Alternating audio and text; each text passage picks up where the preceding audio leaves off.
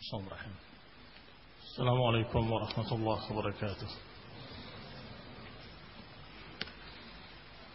إن الحمد لله نحمده ونستعينه ونستغفره ونعوذ بالله من شرور أنفسنا ومن سيئات أعمالنا من يهده الله فلا مضل له ومن يضلل فلا هادي له وأشهد أن لا إله إلا الله وحده لا شريك له وأشهد أن محمدا عبده ورسوله صلى الله عليه وعلى آله وأصحابه والتابعين وتابع التابعين ومن تبعهم بإحسان إلى يوم الدين. يا أيها الذين آمنوا اتقوا الله حق تقاته ولا تموتن إلا وأنتم مسلمون. يا أيها الناس اتقوا ربكم الذي خلقكم من نفس واحدة وخلق منها زوجها وبث منهما رجالا كثيرا ونساء. واتقوا الله الذي تساءلون به والأرحام. إن الله كان عليكم رقيبا. يا أيها الذين آمنوا اتقوا الله وقولوا قولا سديدا. يصلح لكم أعمالكم ويكفر لكم ذنوبكم. ومن يطع الله ورسوله فقد فاز فوزا عظيما.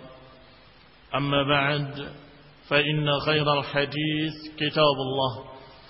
وخير الهدي هدي محمد صلى الله عليه وعلى آله وسلم وشر الأمور محدثاتها فإن كل محدثة بدعة وكل بدعة ضلالة وكل ضلالة في النار. إخواني في الدين أعزكم الله. Muslimin yang saya hormati kita akan bahas buku kecil bahkan sangat ringkas. Tetapi sungguh apa yang dikandungnya sangat banyak lengkap dan sangat berbobot. Yang ditulis oleh Imam Al-Humaydi rahimahullah.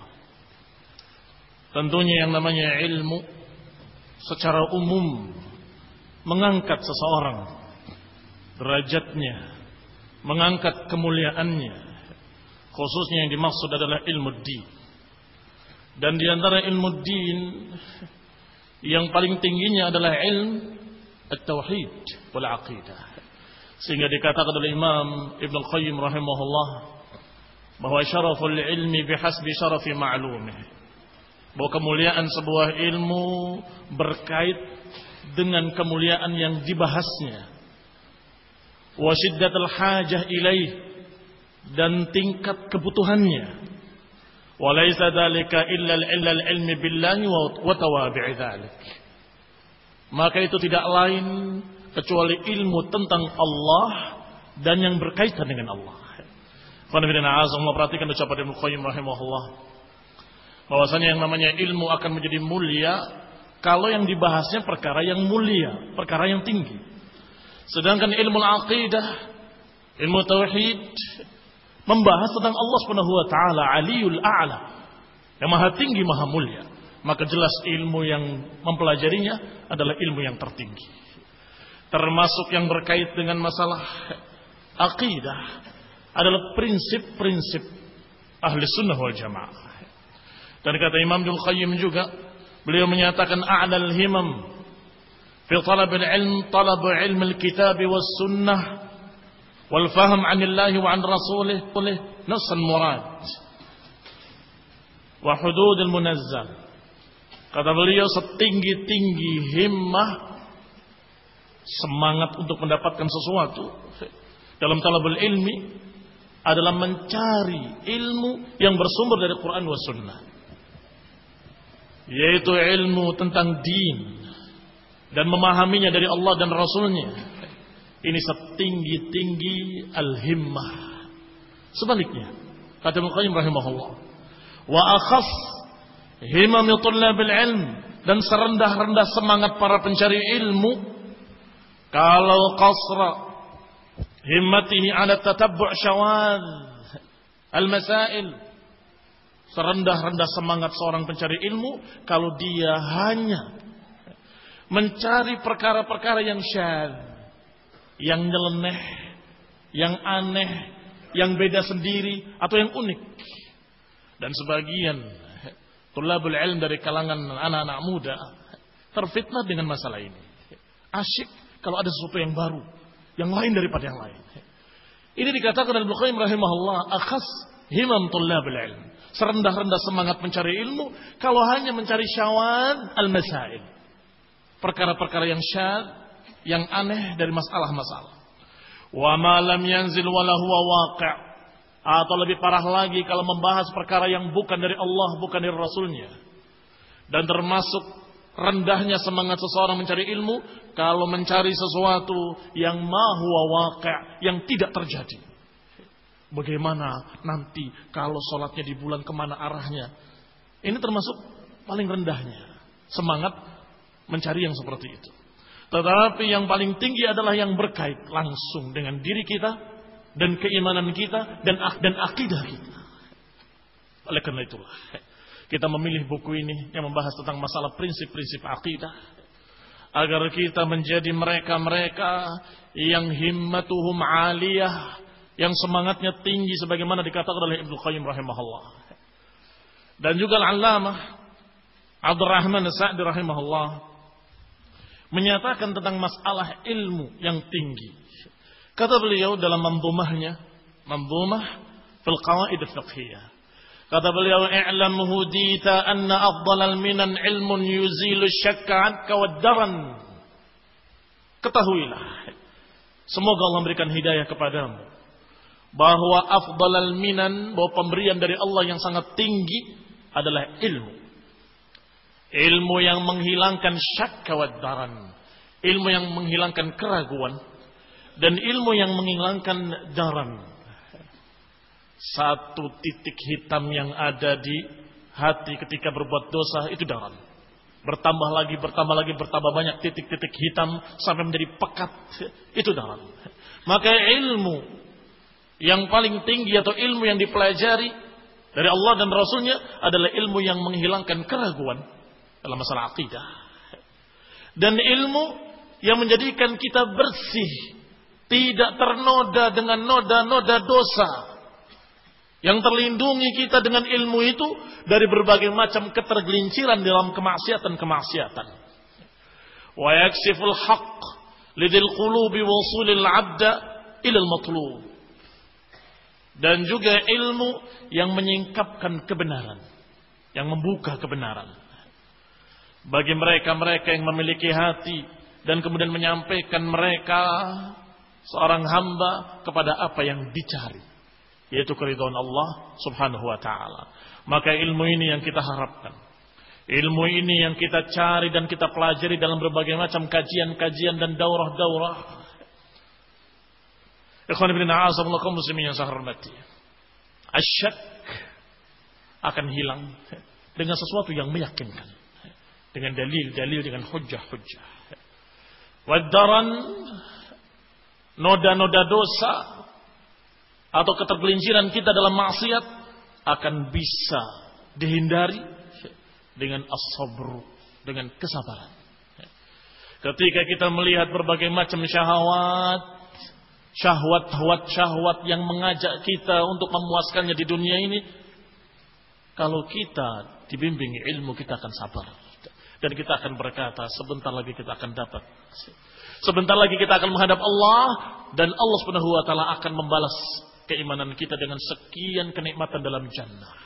Apa pun yang kita mau ada di sana. Sehingga dengan sabar kita selamat dari noda-noda dosa. Dengan usul i'tiqad ahlu sunnah wal jamaah yang bersumber dari Quran dan sunnah dengan hujah-hujah yang qat'iyah akan bersih-bersih hati kita dari keraguan-keraguan. Setelah dua perkara ini ada, maka dua perkara tadi hilang. Dengan sabar wal yaqin, maka hilang syubhat wa syahwat. Dengan kesabaran hilang syahwat atau selamat-selamat kita dari syahwat. Dengan keyakinan-keyakinan akan hilang syak dan keraguan dan syubhat. Maka mereka lah para a'immah. Mereka lah imam-imam yang akan memimpin umat. Allah Subhanahu wa taala berfirman, "Wa ja'alna minhum a'immatan yahduna bi amrina lamma sabaru wa kanu bi ayatina yuqinun." Kata Allah, demikianlah Allah menjadikan dari mereka imam-imam yahduna bi amrina yang membimbing umat dengan perintah kami kata Allah. Kapan? Lama sabaru wa kanu bi ayatina yuqinun. Lama sabaru ketika mereka sabar wa kanu bi ayatina yuqinun dan mereka yakin dengan ayat-ayat kami. Maka ikhwan ibn ilmu yang harus kita cari adalah ilmu yang seperti ini. Ilmu yang membawa kepada kesabaran dan ilmu yang membawa kepada keyakinan. Yang dengan dua itu kita akan menjadi a'immah, imam-imam yang membimbing umat ke jalan yang lurus. Dimuliakan oleh Allah Subhanahu wa taala. Dan itu yang dikatakan dengan ilmu nafi', ilmu yang bermanfaat. Ikhwan ibn a'azakumullah muslimin yang saya hormati. Berkait dengan apa yang kita pelajari. Yaitu sebuah kitab yang dijuluki dengan nama usul as-sunnah. Tentunya kita harus tahu dua perkara. Setiap kita mempelajari kitab apa pun, kita harus tahu dua, tahu dua perkara.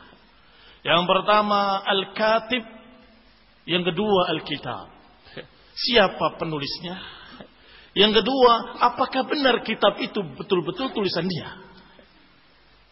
Setiap kitab-kitab yang kita baca, yang kita pelajari, kita harus tahu. Pertama penulisnya. Siapa? Apakah min ahli sunnah? Alim, min ulama, ahli din, ahli hadis. Atau ternyata ahlul hawa dalal. Atau ahlul hawa wal bid'ah. Bid'ah. Yang kedua kitabnya. Setelah tahu ternyata penulisnya seorang alim sunni salafi Taib, apakah betul kitab ini tulisan beliau? Itu juga harus kita ketahui. Maka demikian pula ketika kita akan membaca kitab ini. Yang pertama kita harus tahu siapa penulisnya. Wahua Abu Bakar. Kunyahnya. Namanya Abdullah ibn Zubair. Ibn Isa al-Qurashi al-Humaydi al-Makki. Namanya Abdullah ibn Zubair. Ibn Isa. Seorang dari keturunan Quraisy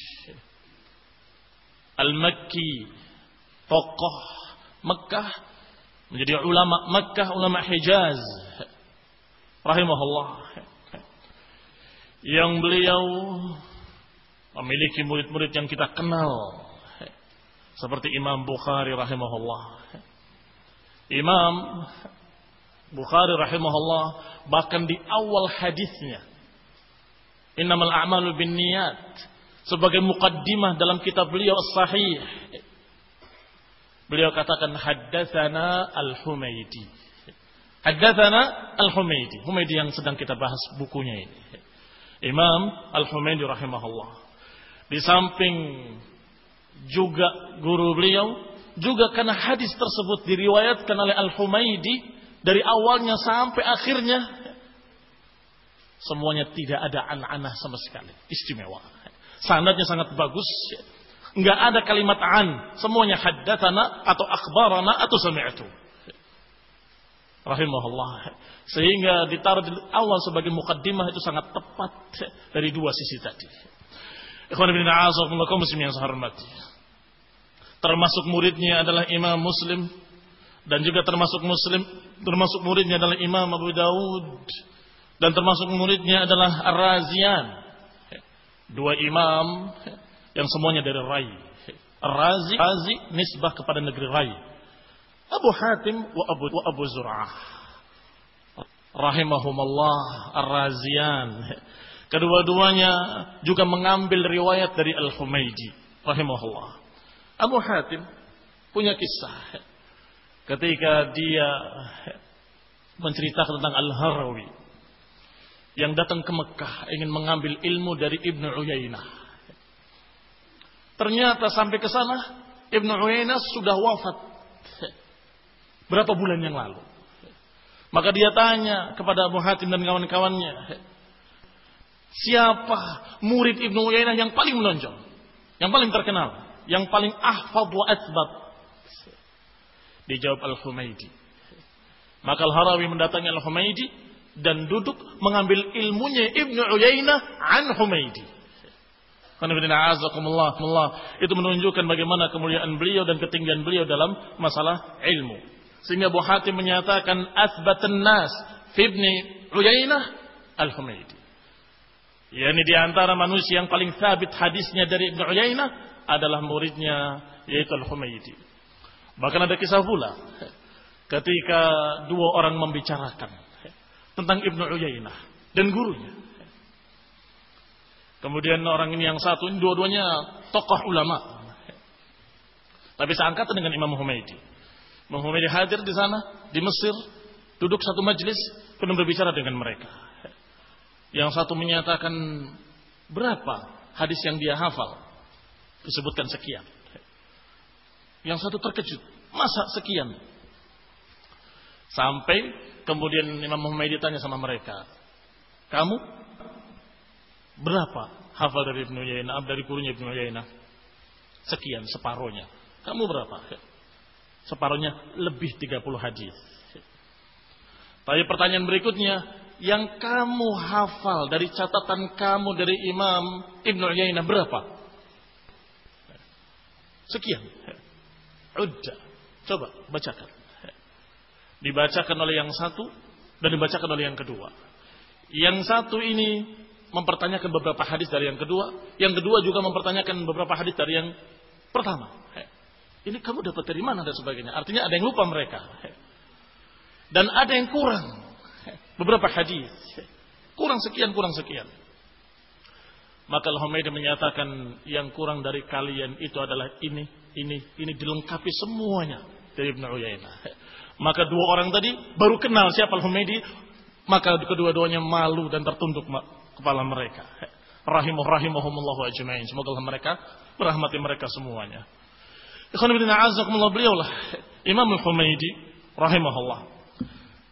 Qala dikatakan yang berikutnya adalah siapa gurunya? Kalau tadi murid-muridnya Imam Bukhari, Imam Muslim, Abu Dawud, dan Imam Razian, Imaman Ar-Razian, Abu Hatim dan Abu Zur'ah Adapun gurunya, beliau mengambil ilmu sudah disebutkan tadi, disebutkan tadi di antaranya Ibnu Uyainah.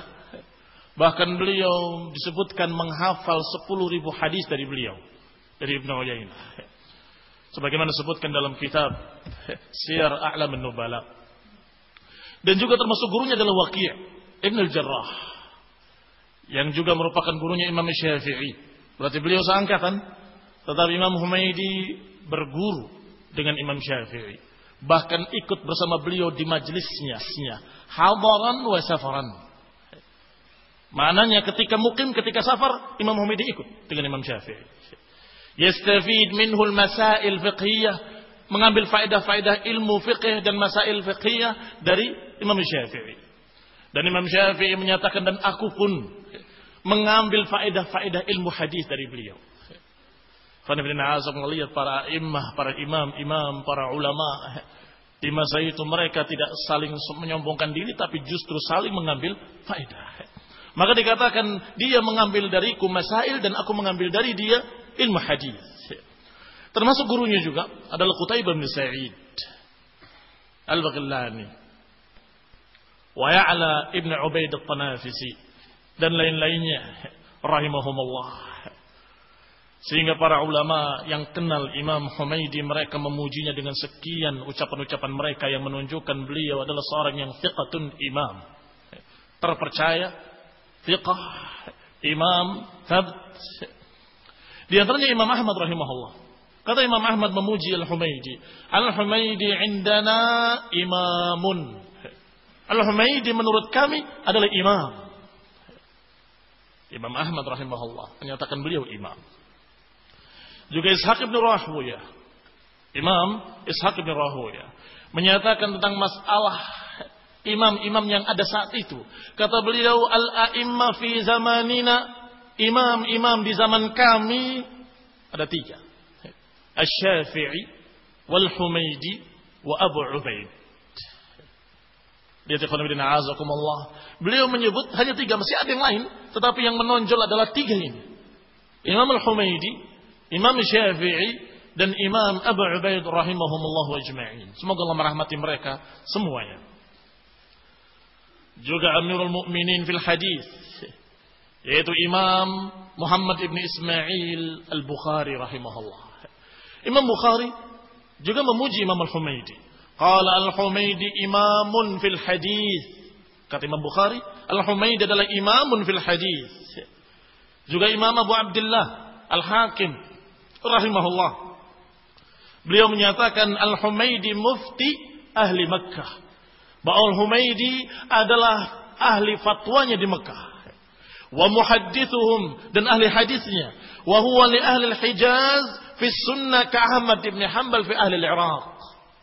Kata beliau bahwasanya Imam Humaidi untuk penduduk Hijaz Hijaz itu Makkah Madinah dan sekitarnya fi sunnah dalam masalah sunnah seperti Imam Ahmad pada penduduk Irak jadi kalau orang-orang Irak mereka mengenali imam di sana yaitu Imam Ahmad maka orang-orang Hijaz mengenali Imam Humaidi Imam Humaydi di Hijaz seperti Imam Ahmad di Irak.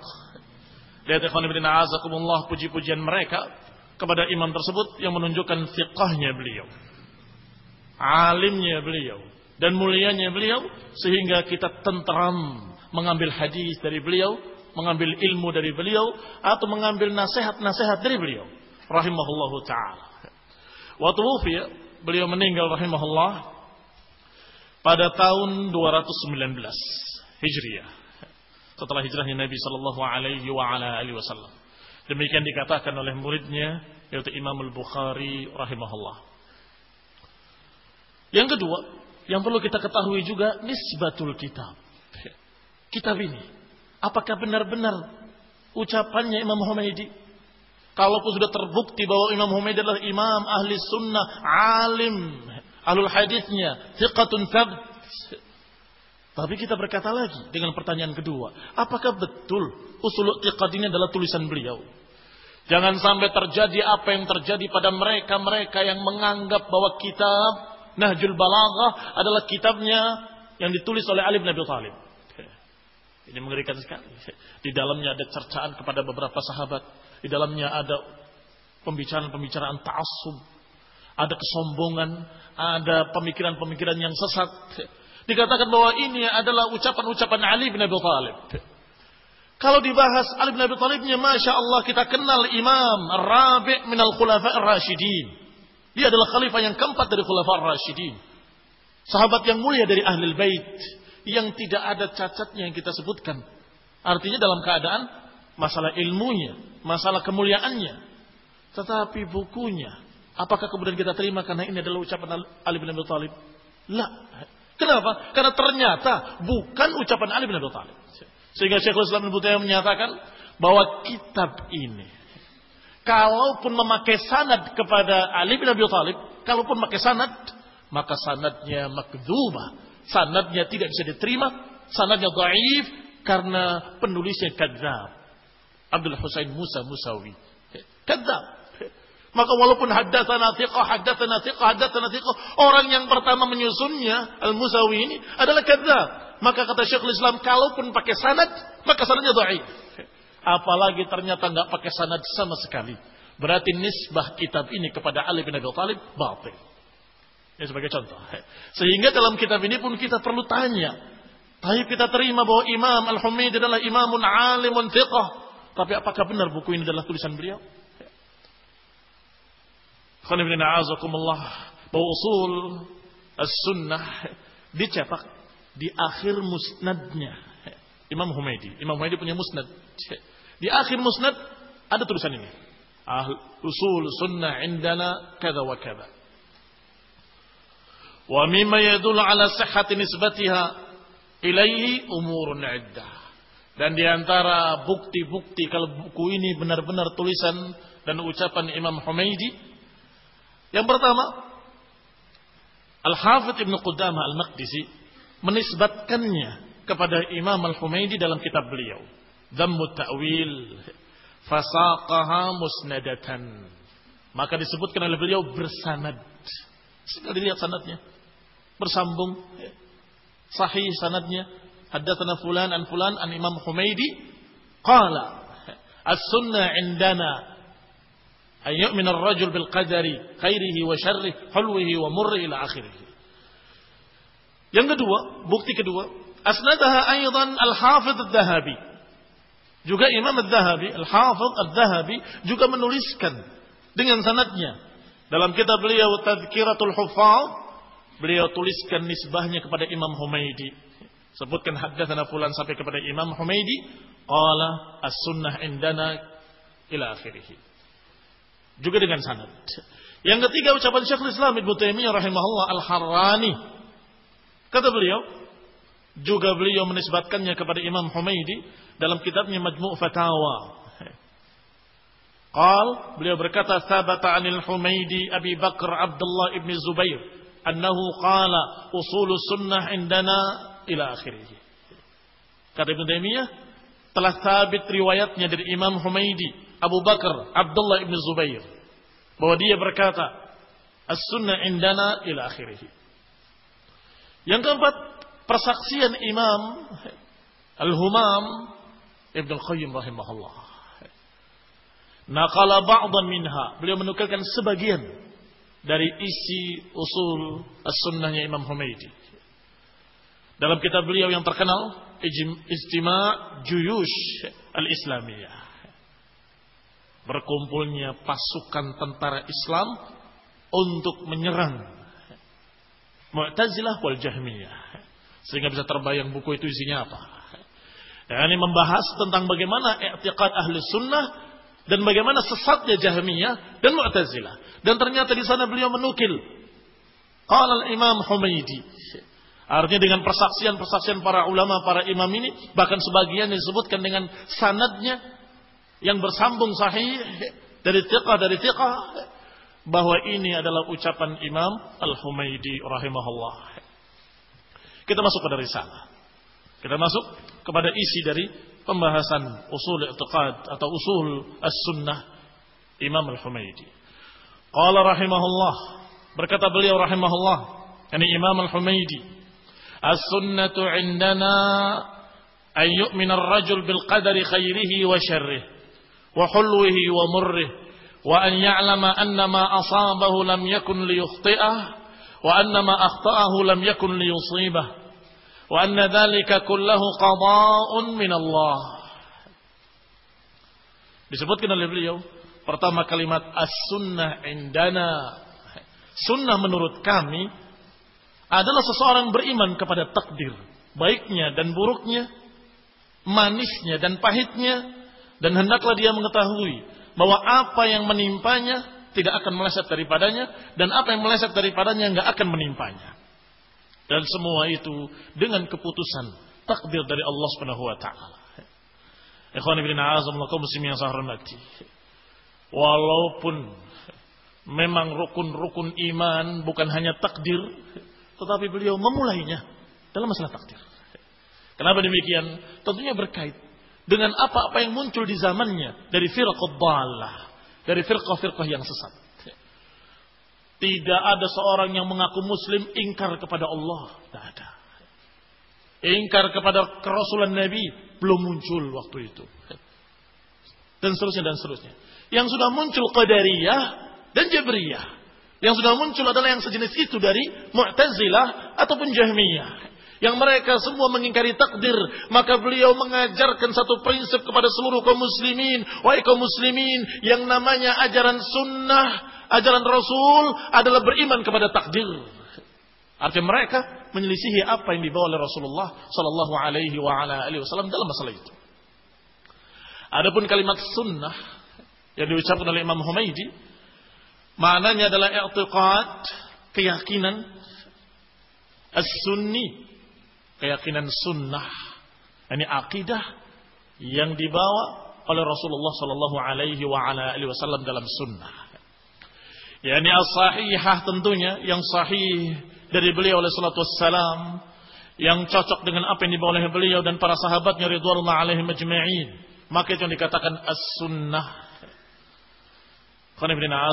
Memang makna sunnah memiliki beberapa makna. Kadang sunnah yang disebut oleh para ulama atau dalam beberapa hadis ternyata sunnah dengan maknanya al-lughawi, dengan maknanya secara bahasa. Apa sunnah secara bahasa? As-sirah, at-tariq. Sunnah secara bahasa, lugatan adalah jalan atau satu perkara yang diikuti di belakangnya oleh orang lain. Maka apakah itu baik atau jelek dikatakan sunnah. Sehingga muncul hadis yang menyatakan man sanna sunnatan hasanatan falahu ajruha ajruha wa ajru man amila biha. Wa man sanna sunnatan sayyi'atan fa alaihi wizruha wa wizru man amila biha. Ada sunnah hasanah, ada sunnah sayyi'ah. Kok bisa? Sunnah kan semuanya baik. Sebentar, sebentar. Dalam hadis ini sunnah bermakna sunnah lugatan secara bahasa. Artinya satu perbuatan yang diikuti di belakangnya oleh orang lain. Maka kalau ada seorang yang melakukan satu perbuatan baik, diikuti di belakangnya oleh orang-orang, maka dia sanna sunnatan hasanah. Kalau dia mengada-adakan perkara yang jelek, atau dia berbuat suatu dosa atau kejelekan, kemudian diikuti oleh manusia, maka dia sanna sunnatan sayyi'atan. Berarti kalau sunnah secara bahasa, kadang bisa baik, kadang bisa jelek. Termasuk di dalamnya hadis lain yang dikatakan oleh Rasulullah SAW. La tattabi'unna sanana man kana qablakum. Niscaya kalian akan mengikuti sunnah-sunnah orang-orang sebelum kalian. Baik apa jelek ini?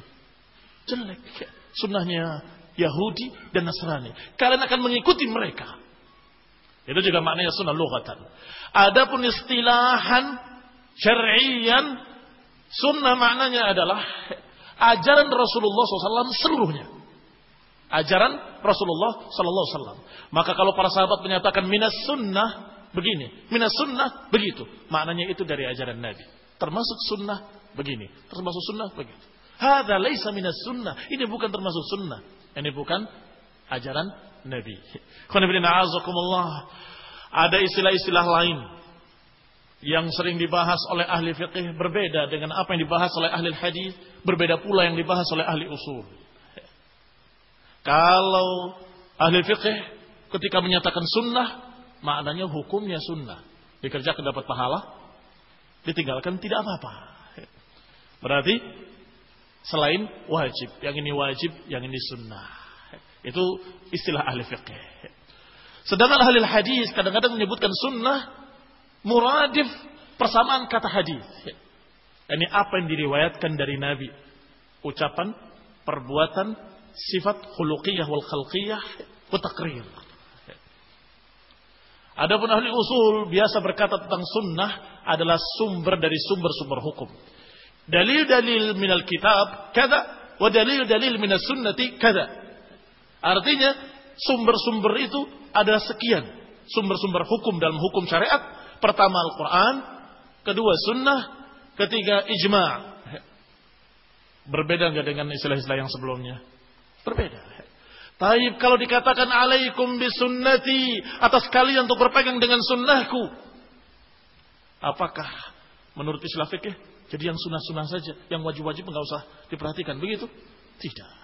Atau seperti maknanya ahli usul atau yang sering diistilahkan oleh para ahli usul. Sunnah berarti bukan Quran. Atas kalian untuk berpegang dengan sunnah. Lo Qurannya bagaimana? Tidak. Juga bukan itu. Kalau dikatakan alaikum bisunnati makna syar'i. Peganglah ajaranku. Ya ini maknanya yang syar'i. Yaitu makna yang diajarkan oleh Rasulullah SAW dari awal sampai akhirnya. Itu semua sunnah. Sebagaimana dikatakan oleh Imam Al-Barbahari. As-sunnah hiyal Islam. Wal Islam huwa sunnah.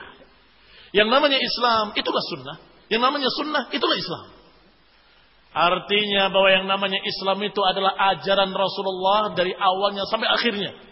Yang dari Qur'annya, yang dari hadisnya.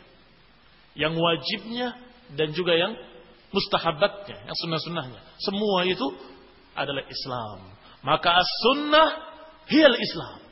Ajaran sunnah adalah Islam. Dan Islam itu adalah sunnah. Baik sekarang kembali kepada ucapan Imam Al-Humayni rahimahullah. As-sunnah indana Sunnah menurut kami adalah ini dan itu. Yang mana kira-kira maknanya? Bin sudah sebutkan tadi. Lebih khusus lagi. Yang syar'i tapi khusus dalam masalah akidah. Sebagaimana dikatakan oleh Syekhul Islam Ibnu Taimiyah rahimahullah. Kata Imam Syekhul Islam Ibnu Taimiyah rahimahullah. lafdus sunnah fi kalami salaf yatanawal sunnah fil ibadat i'tiqadat wa in kana kathirun mimman salaf mimman sannafa fi sunnah yaqsiduna al-kalama fil i'tiqadat kata Syekhul Islam rahimahullah as-sunnah menurut para salafus saleh mencakup ibadah-ibadah dan juga mencakup akidah-akidah. Artinya seluruh ajaran Nabi. Masalah akidah ataupun masalah ibadah. Wa in kana katsiran mimman sannafa fi sunnah tetapi walaupun kebanyakan para ulama yang menulis kitab as-sunnah as-sunnah yaqsidun al-kalam mereka memaksudkan pembicaraannya pada i'tiqadat saja. yakni usul sunnah, prinsip-prinsipnya. Ini sunnah, lengkap ajaran Nabi. Ini as-sunnah, ajaran Nabi secara umum, berarti ini makna syar'i, maknanya yang syar'i. Tetapi lebih dikhususkan, prinsip-prinsipnya saja. Usul sunnah, prinsip-prinsip sunnah. Demikian pula ucapan Ibnu Rajab rahimahullah. Al-murad atau muradul a'imma bis sunnah yang dimaukan oleh para imam-imam dengan kata as-sunnah adalah tariqatun nabi jalan Nabi SAW. Allati kana alaiha huwa wa ashabuh. Yaitu yang dijalani oleh beliau dan para sahabatnya. Yang selamat dari syubhat-syubhat. Dan selamat dari syahwat-syahwat. Kemudian siansara. Perhatikan ucapan beliau. Thumma sara. Ayil murad sunnah Ibarah amma salima minasyubuhat. Fil i'tiqadat khasah. Kemudian bergeser maknanya kepada masalah-masalah akidah saja karena mereka menulis dan meringkas apa-apa yang kalau dijalani diyakini maka dia ahli sunnah kalau menyelisihinya maka dia ahlul bid'ah ahlul balal sehingga disusun oleh mereka prinsip-prinsip sunnah. Makanya kadang-kadang disebutkan dengan mutlakon as sunnah kadang-kadang disebut dengan ada kalimat usul as sunnah apalagi Imam al-Likain menambahkan lagi usul i'tiqad ahlus sunnah. Ikhwan ibn. Dan tidak ada pertentangan antara apa yang dikatakan oleh beliau dengan apa yang dikatakan oleh Imam Al-Barbahari. Rahimahullah. Kenapa kok ini menyatakan semua Islam itu adalah sunnah, sedangkan di sana tadi menyatakan sunnah masalah akidah saja. Jawabannya, bahwasanya kita mengetahui ucapan para imam-imam tadi, bahwa yang dimaksud sunnah seluruhnya dari akidah dan ibadahnya. Ucapan Syekhul Islam begitu, ucapan Ibnu Rajab juga begitu. Namun, para ulama yang menyusun kitab As-Sunnah dan bukan satu, sekian banyak para imam-imam seperti Abdullah ibni Imam Ahmad punya kitab As-Sunnah. Wabnu Abi Zamanain punya kitab As-Sunnah. Wabnu Abi Asim punya kitab As-Sunnah. Al-Muzani punya kitab As-Sunnah. Wabnu Jarir punya kitab As-Sunnah. Dan lain-lain dari mereka. Rata-rata mereka mereka dalam kitab-kitabnya As-Sunnah. As-Sunnah tadi semuanya membahas masalah akidah. Akidah ahlus sunnah. Atau prinsip-prinsip sunnah. Sehingga sudah mafhum indal fuqaha, indal ulama, inda ahli sunnah bahwa buku-buku mereka membahas tentang prinsip-prinsip sunnah. Taib sekarang kalimat kedua. Indana. As-sunnah. Indana. Menurut kami. Kepada siapa nisbahnya? Kepada dirinya? Atau kepada para imam-imam, para salafus salih? Tentunya kembalinya kepada salaf. Kepada para imam-imam. Dan itu yang bahir. Yang bahir. Yang tampak bahwa kalimat indana adalah indah ahli sunnah. Karena beliau termasuk ahli sunnah, maka beliau menyatakan menurut kami para ahli sunnah. Dan kalimat seperti ini terdapat dalam hampir semua kitab-kitab mereka. Termasuk akidah Tahawiyah yang sering kita baca di majelis ini juga sama. Menurut kami, menurut kami. Indana, indana. masalah ini indana, semua maknanya adalah inda ahli sunnah. Menurut kami, para ahli sunnah begini. Wa huwa ma kana alaihi a'immatul din wa salafil ummah mimman adrakahum. Yaitu semua apa yang diriwayatkan dari salaf, dari para imam-imam pendahulu umat ini. Yang ditemui oleh Imam Humaydi. Maka mereka semuanya berkata dengan kalimat yang sama seperti ini yang dituliskan dalam usul as-sunnahnya beliau. Sehingga beliau menyatakan as-sunnah indana ini indana indi wa inda a'immah. Mimman adraktuhum dari siapa-siapa yang aku temui mereka. Semuanya menyatakan dengan kalimat yang sama. Ayyuk minar rajul bil qadari khairihi wa syarrih wa hulwihi wa murrih yaitu beriman kepada takdir baiknya dan buruknya maka tersisih para qadariyah yang tidak beriman kepada takdir atau jabriyah yang rusak imannya dalam masalah takdir mereka bukan ahli sunnah. Mereka bukan pengikut para imam-imam ahli sunnah. Ikhwan ibn muslim yang saya hormati. Dikatakan wa huwa i'tiqadul firqatin najiyah tahifah al-mansurah. Maka makna ucapan beliau bahwa akidah masalah takdir mengimaninya baiknya dan buruknya, pahitnya dan manisnya itu adalah keyakinan seluruh firqatun najiyah, golongan selamat, taifatul mansura, golongan yang akan ditolong, golongan ahli sunnah wal jamaah. La yatimmu imanul abdi hatta yuqirru wa yusaddiq tasdiqan jaziman la syakka fih. Seorang tidak akan sempurna imannya nggak akan kokoh imannya kalau dia tidak mengimani, tidak percaya dengan siyakin yakin yakinnya bahwa semua segala sesuatu dengan takdir dari Allah Subhanahu wa taala. Dengan kehendaknya, dengan perintahnya dan tidak terjadi di alam semesta ini satu kejadian kecuali dengan keinginan Allah dan kehendaknya. Maka tidak akan terjadi apa yang tidak dikehendaki oleh Allah. Dan pasti terjadi apa yang dikehendaki oleh Allah secara qada wal qadar. Keyakinan seperti ini merupakan prinsip ahli sunnah, bahkan prinsip Islam, yaitu ruknun min arkanil Islam. Maka telah kafir mereka-mereka yang mengingkari ruknun min arkanil Islam, atau min, rukun min arkanil iman, yaitu qada wal qadar.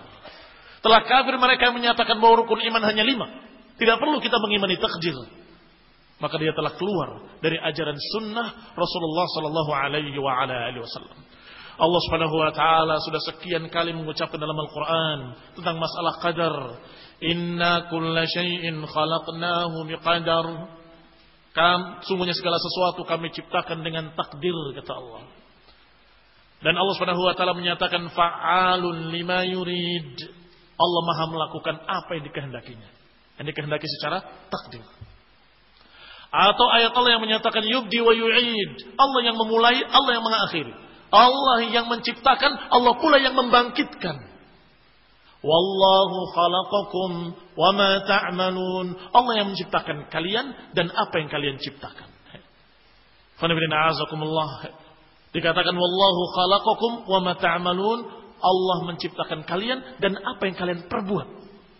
Kadang-kadang katakan ini hak cipta dilindungi undang-undang. Seakan-akan dia menciptakan.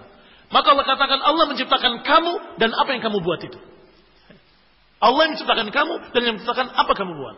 Sehingga ayat ini menjadi dalil yang sangat qat'i bagi kita ahli sunnah untuk membantah mereka.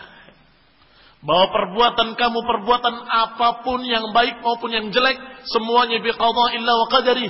Karena Allah menyatakan wallahu khalaqakum wa ma ta'malun. Allah menciptakan kalian dan menciptakan perbuatan kalian. Ma ta'malun karena namanya masdariyah maka maknanya a'malakum sara menjadi masdar Menjadi maknanya wallahu khalaqakum wa a'malakum. Allah menciptakan kalian dan perbuatan-perbuatan kalian pun Allah yang menciptakan. Sehingga Imam Bukhari rahimahullah menyatakan dalam satu bukunya masalah takdir khalqu af'alil ibad. Penciptaan perbuatan para hamba. Penciptaan perbuatan para hamba. Artinya perbuatan para hamba diciptakan oleh Allah. Kalau kalian menyatakan bahwa itu bukan ciptaan Allah, berarti kamu menganggap ada pencipta lain selain Allah Subhanahu wa taala. Berkata Imam Abdul Ghani Al-Maqdisi rahimahullah. Ajma'a a'immatus salaf. Telah sepakat para imam imam salaf min ahli al-islami 'ala al-imani bil qadari khairihi wa syarrihi. Kata Al-Maqdisi Al-Maqdisi rahimahullah, telah sepakat ijma seluruh para imam, imam salaf, ahlul Islam tentang wajibnya beriman kepada takdir baiknya dan buruknya. Hulwihi wa murri, manisnya dan pahitnya. Qalilihi wa kathirih, yang sedikit atau yang banyaknya. Semuanya biqada'illahi wa qadarih. Semuanya dengan takdir dari Allah dan keputusannya. La yakunu syai'un illa bi iradatih. Enggak terjadi sesuatu kecuali dengan kehendak Allah. Wala yajri khairun wala syakkun illa bimasyiatih. Tidak terjadi sesuatu khairun wala kebaikan atau kejelekan kecuali dengan kehendak Allah. Khalaqa man syaa'a lis-sa'adah wasta'malahu biha fadlan. Dia menciptakan manusia sebagian untuk kebahagiaan dan menciptakannya yang lain sebagian untuk kejelekan. Yani sebagian Allah ciptakan untuk kebahagiaan, fadilah min Allah. Dan yang lain Allah ciptakan dengan takdir kesengsaraan dengan keadilan pula. Yang ini dengan fadilah, yang ini dengan keadilan. Fahuwa sirrun ista'tharahu. Maka itu adalah rahasia yang hanya milik Allah Subhanahu wa taala. Ini pantasnya sengsara. Yang ini pantasnya bahagia. Itu bukan ilmu kita, ilmu Allah Subhanahu wa taala.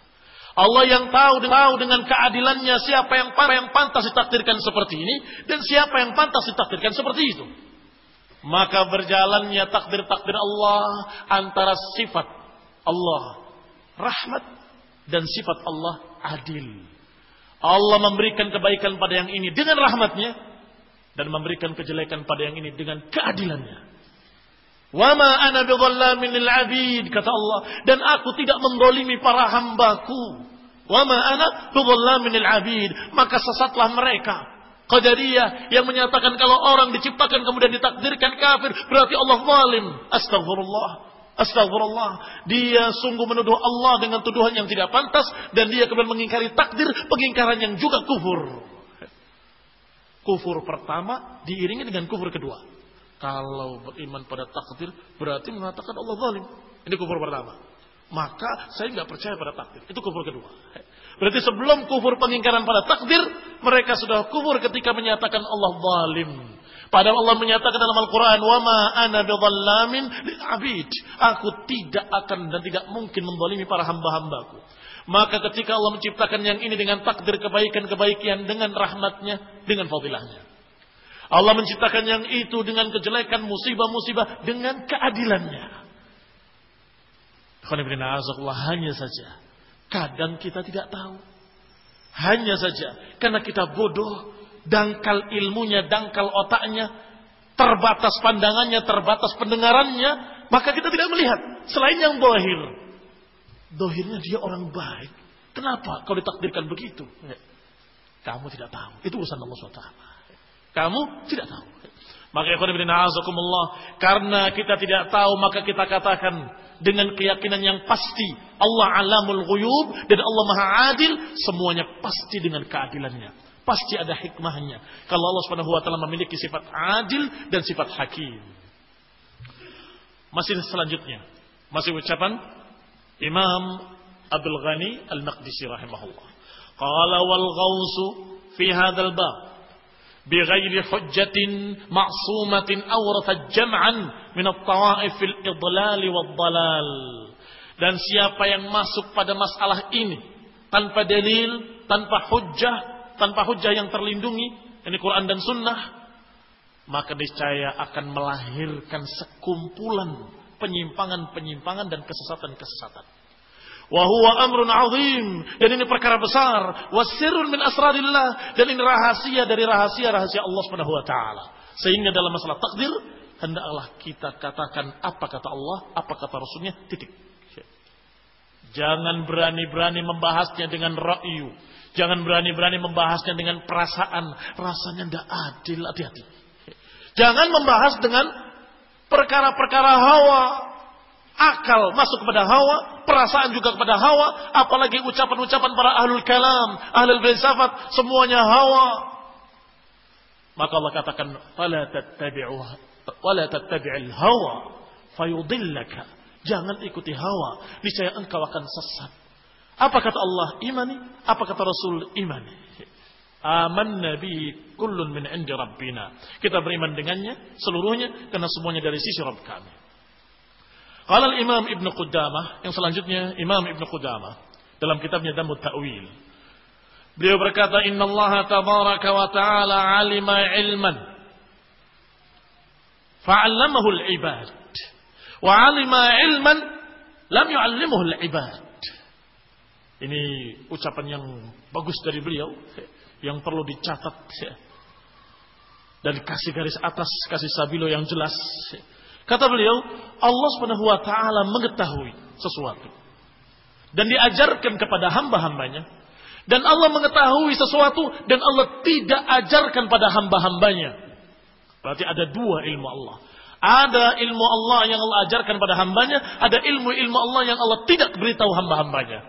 Maka kalau ilmu yang Allah ajarkan pada hambanya kita tidak pelajari, itu naqsun minna. Kalau ilmu yang Allah tidak ajarkan kita cari-cari, itu juga naqsun minna. Perhatikan ucapan beliau rahimahullah. Bahwa Allah Subhanahu wa taala alima ilman.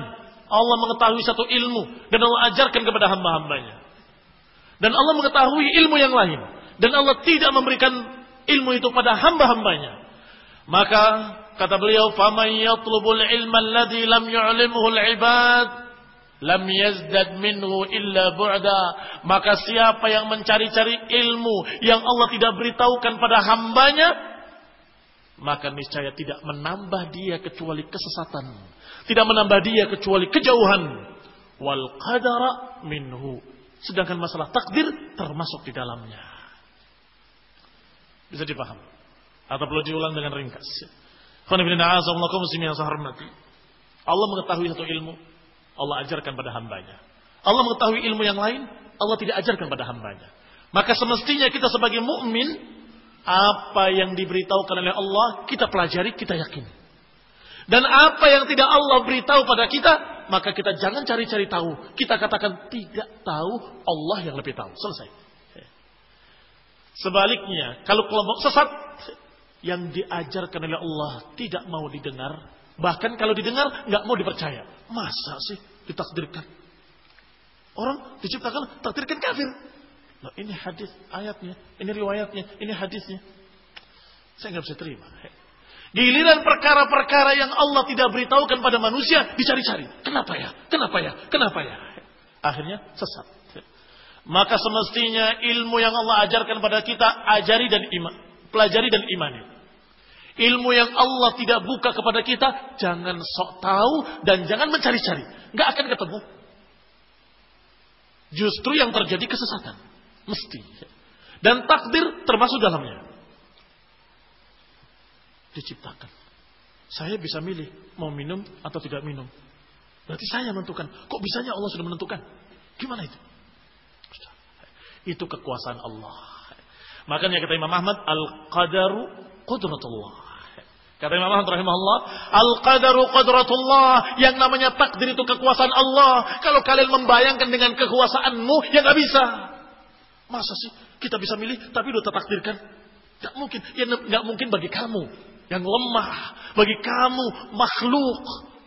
Tetapi Allah Subhanahu wa taala yang Maha Kuasa bisa dan tidak pernah salah. Allah catat kamu begini dan kenyataannya kamu milih yang itu yang dicatat oleh Allah Subhanahu wa taala sebelum diciptakannya langit dan bumi 50 ribu tahun.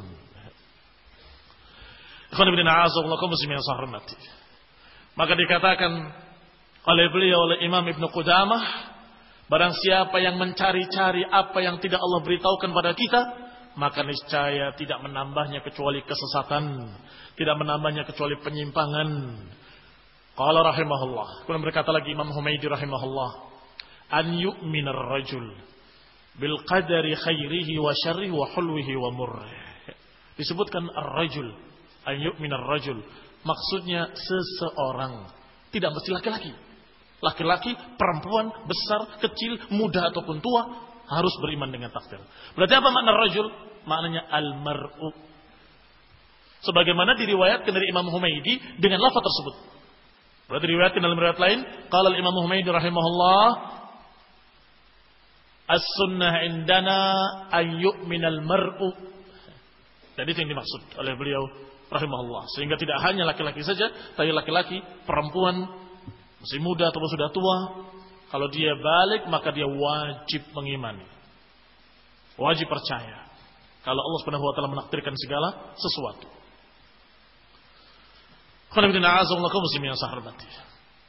Dikatakan ada beberapa tingkatan-tingkatan manusia. Masalah ini. Masalah iman. Kata Ibn Qayyim rahimahullah. Fatabaqul awal. Yajib alaihi fihi istighfar. وطبق الثاني يجب عليه فيه الصبر وطبق الثالث يجب عليه فيه الشكر Subhanallah. Beliau membahas dari sisi apa yang terjadi pada kita. Kadang-kadang kita ditakdirkan berbuat dosa. Kadang-kadang kita ditakdirkan tertimpa bencana. Kadang-kadang kita ditakdirkan mendapatkan kenikmatan-kenikmatan. Ini tingkatan-tingkatan manusia. Kata Ibnu Qayyim rahimahullah, kita beriman kepada takdir semuanya. Walaupun kita berdosa, itu takdir. Takdir. Loh, kalau kita berbuat baik, takdir. Kalau kita mendapatkan suatu kejelekan, itu takdir. Kebaikan, itu juga takdir. Tetapi dalam menyikapinya, diajarkan. Oleh Allah subhanahu wa ta'ala. Kalau kita ditakdirkan mendapatkan kebaikan. Apa peribadatannya kepada Allah dalam keadaan seperti itu. Kalau kita ditimpa kejelekan musibah-musibah. Apa yang diajarkan untuk kita beribadah kepada Allah dalam keadaan kedua. Kalau kita ditakdirkan mendapatkan dari Allah taufik beramal soleh. Apa ibadah yang harus kita kerjakan dalam masalah ini. Kalau kita ditakdirkan bermaksiat. Apa yang diajarkan oleh Allah kepada kita untuk kita lakukan pada keadaan seperti itu. Kata Muqayyim rahimahullah, masing-masing ada perintah. Yang pertama, kalau kita ditakdirkan terjerumus dalam dosa-dosa, maka kita diperintahkan untuk beribadah dalam keadaan tersebut. Bagaimana? Beribadah dalam keadaan tersebut, kita segera berhenti dan beristighfar. Minta ampun pada Allah Subhanahu wa taala dan bertaubat. Kalau kita ditimpa bencana, musibah, takdir, tetapi kita disuruh untuk menerimanya dengan sabar. Dengan tidak mengeluh. Dengan ridho pada apa yang Allah takdirkan. Kalau kita ditakdirkan mendapatkan kebaikan-kebaikan. Maka kita diperintah untuk bersyukur pada Allah Ta'ala. Dan menggunakan kebaikannya di jalan Allah Subhanahu Wa Ta'ala. Ikhwan Ibn A'azam muslim yang saya hormati, perhatikan, perhatikan. Ini menunjukkan bahwa walaupun kita beriman kepada takdir, tetapi tetap diperintahkan dengan perintah-perintah dalam keadaan apa pun. Jangan dibalik. Ketika ditimpa musibah, mengeluh. Kenapa kau begini? Kenapa kau begitu? Bahkan menyalahkan. Si fulan yang begini dan gitu. Kau tidak takdirkan seperti saya. Saya yang sholat tiap malam. Kau takdirkan seperti ini. Ini pelanggaran. Tapi justru Ketika ditimpa kemaksiatan, sabar. Oh sabar, ditakdir dari Allah. Kita mendapatkan kemaksiatan-kemaksiatan. Ini terbalik. Kita ditakdirkan kemaksiatan betul. Tapi bukan maknanya seperti kita ditimpa musibah kemudian sabar. Yang diperintahkan ketika kita terjerumus dalam kemaksiatan dengan takdir Allah. Yang diperintahkan bertaubat. Menyesal, minta ampun. Dan bertekad untuk, untuk tidak mengulangi. Kalau ternyata terjadi lagi dengan takdir Allah, maka kita kembali bertaubat, meratap, minta ampun pada Allah, menangis agar diampuni oleh Allah Subhanahu wa taala. Dan harus bertekad untuk tidak mengulangi kembali. Kaum muslimin yang saya hormati. Kalau takdirnya musibah, itu diperintahkan untuk sabar. Kala ketika dikatakan oleh Ibnu Qayyim rahimahullah tentang masalah sabar dan rukun-rukun sabar, Beliau menyebutkan beberapa rukun-rukun sabar. Apa di antaranya bentuk-bentuk kesabaran? Menjaga lidah untuk tidak mengeluh dan marah pada takdir. Yang kedua, menjaga anggota badan untuk tidak berbuat yang dilarang oleh Allah Subhanahu wa taala ketika sedih. Dilarang menjabak-jabak rambut, merobek-robek pakaian, meratap-ratap. Ini dilarang oleh Rasulullah SAW. Yang ketiga, hati dijaga untuk tidak mengeluh atau tidak meyakini dengan keyakinan-keyakinan batil. Kenapa kau begini, kenapa kau begini. Harus kita katakan, Allah wa ma sya'a fa'al, inna lillah wa inna ilaihi raji'un. Maka Allah katakan wabashir sabirin. Beritakan kepada orang-orang yang sabar yaitu alladzina idza asabathum musibatun qalu inna lillahi wa inna ilaihi raji'un yaitu mereka-mereka yang mereka yang kalau ditimpa musibah mereka berkata kita dari Allah dan akan kembali pada Allah. Maka semua yang ada pada kita juga dari Allah dan akan kembali pada Allah. Lillahi ma a'ta wa lillahi ma akhad. Milik Allah apa yang Allah berikan dan milik Allah pula apa yang Allah kasih. Kemarin kita kaya raya dari Allah. Tiba-tiba terjadi bangkrut, habis pailit. Juga Allah yang ngambil. Yang ngasih juga Allah, yang yang ngambil juga Allah. Innalillah wa inna ilaihi raji'un. Inna Allah la yabtali 'abdal mu'min. Kata beliau, rahimahullah masih Ibnu Qayyim, sesungguhnya Allah menguji seorang hamba yang beriman, la liyuhlikahu. Diuji Allah dengan bencana bukan untuk membinasakannya, walakin liyamtahina sabrahu rahu wa ubudiyatahu tapi untuk menguji mereka bagaimana kesabarannya dan bagaimana penerimaannya terhadap apa yang Allah takdirkan. Fa inna lillahi 'alal 'abdi 'ubudiyatun karena Allah Subhanahu wa taala memiliki hak untuk diibadahi dalam segala hal. Dalam keadaan bahagia kita beribadah pada Allah dengan syukur. Dalam keadaan barra, kejelekan-kejelekan, kita beribadah pada Allah dengan sabar menerima apa yang Allah takdirkan. Dalam keadaan kita terjerumus dalam kejelekan-kejelekan, kita diperintahkan untuk beribadah pada Allah dengan segera taubat, minta ampun pada Allah Subhanahu wa taala dan bertekad untuk tidak mengulangi kembali. Wa bihasbi dzalika kanat manaziluhum indallah dan sesuai dengan itu derajat mereka semakin tinggi. Tiga perkara tadi mereka kerjakan tepat maka semakin tinggi kemuliaannya. Kalau berkurang, semakin berkurang kemuliaan isi Allah Subhanahu wa taala. Terus demikian. Kita lanjutkan setelah istirahat sejenak. Barakallahu fikum. Dan jangan untuk karena berwudu. Nah, subhanahu wa bihamdika la ilaha illa anta astaghfiruka wa atubu ilaik. Assalamualaikum warahmatullahi wabarakatuh.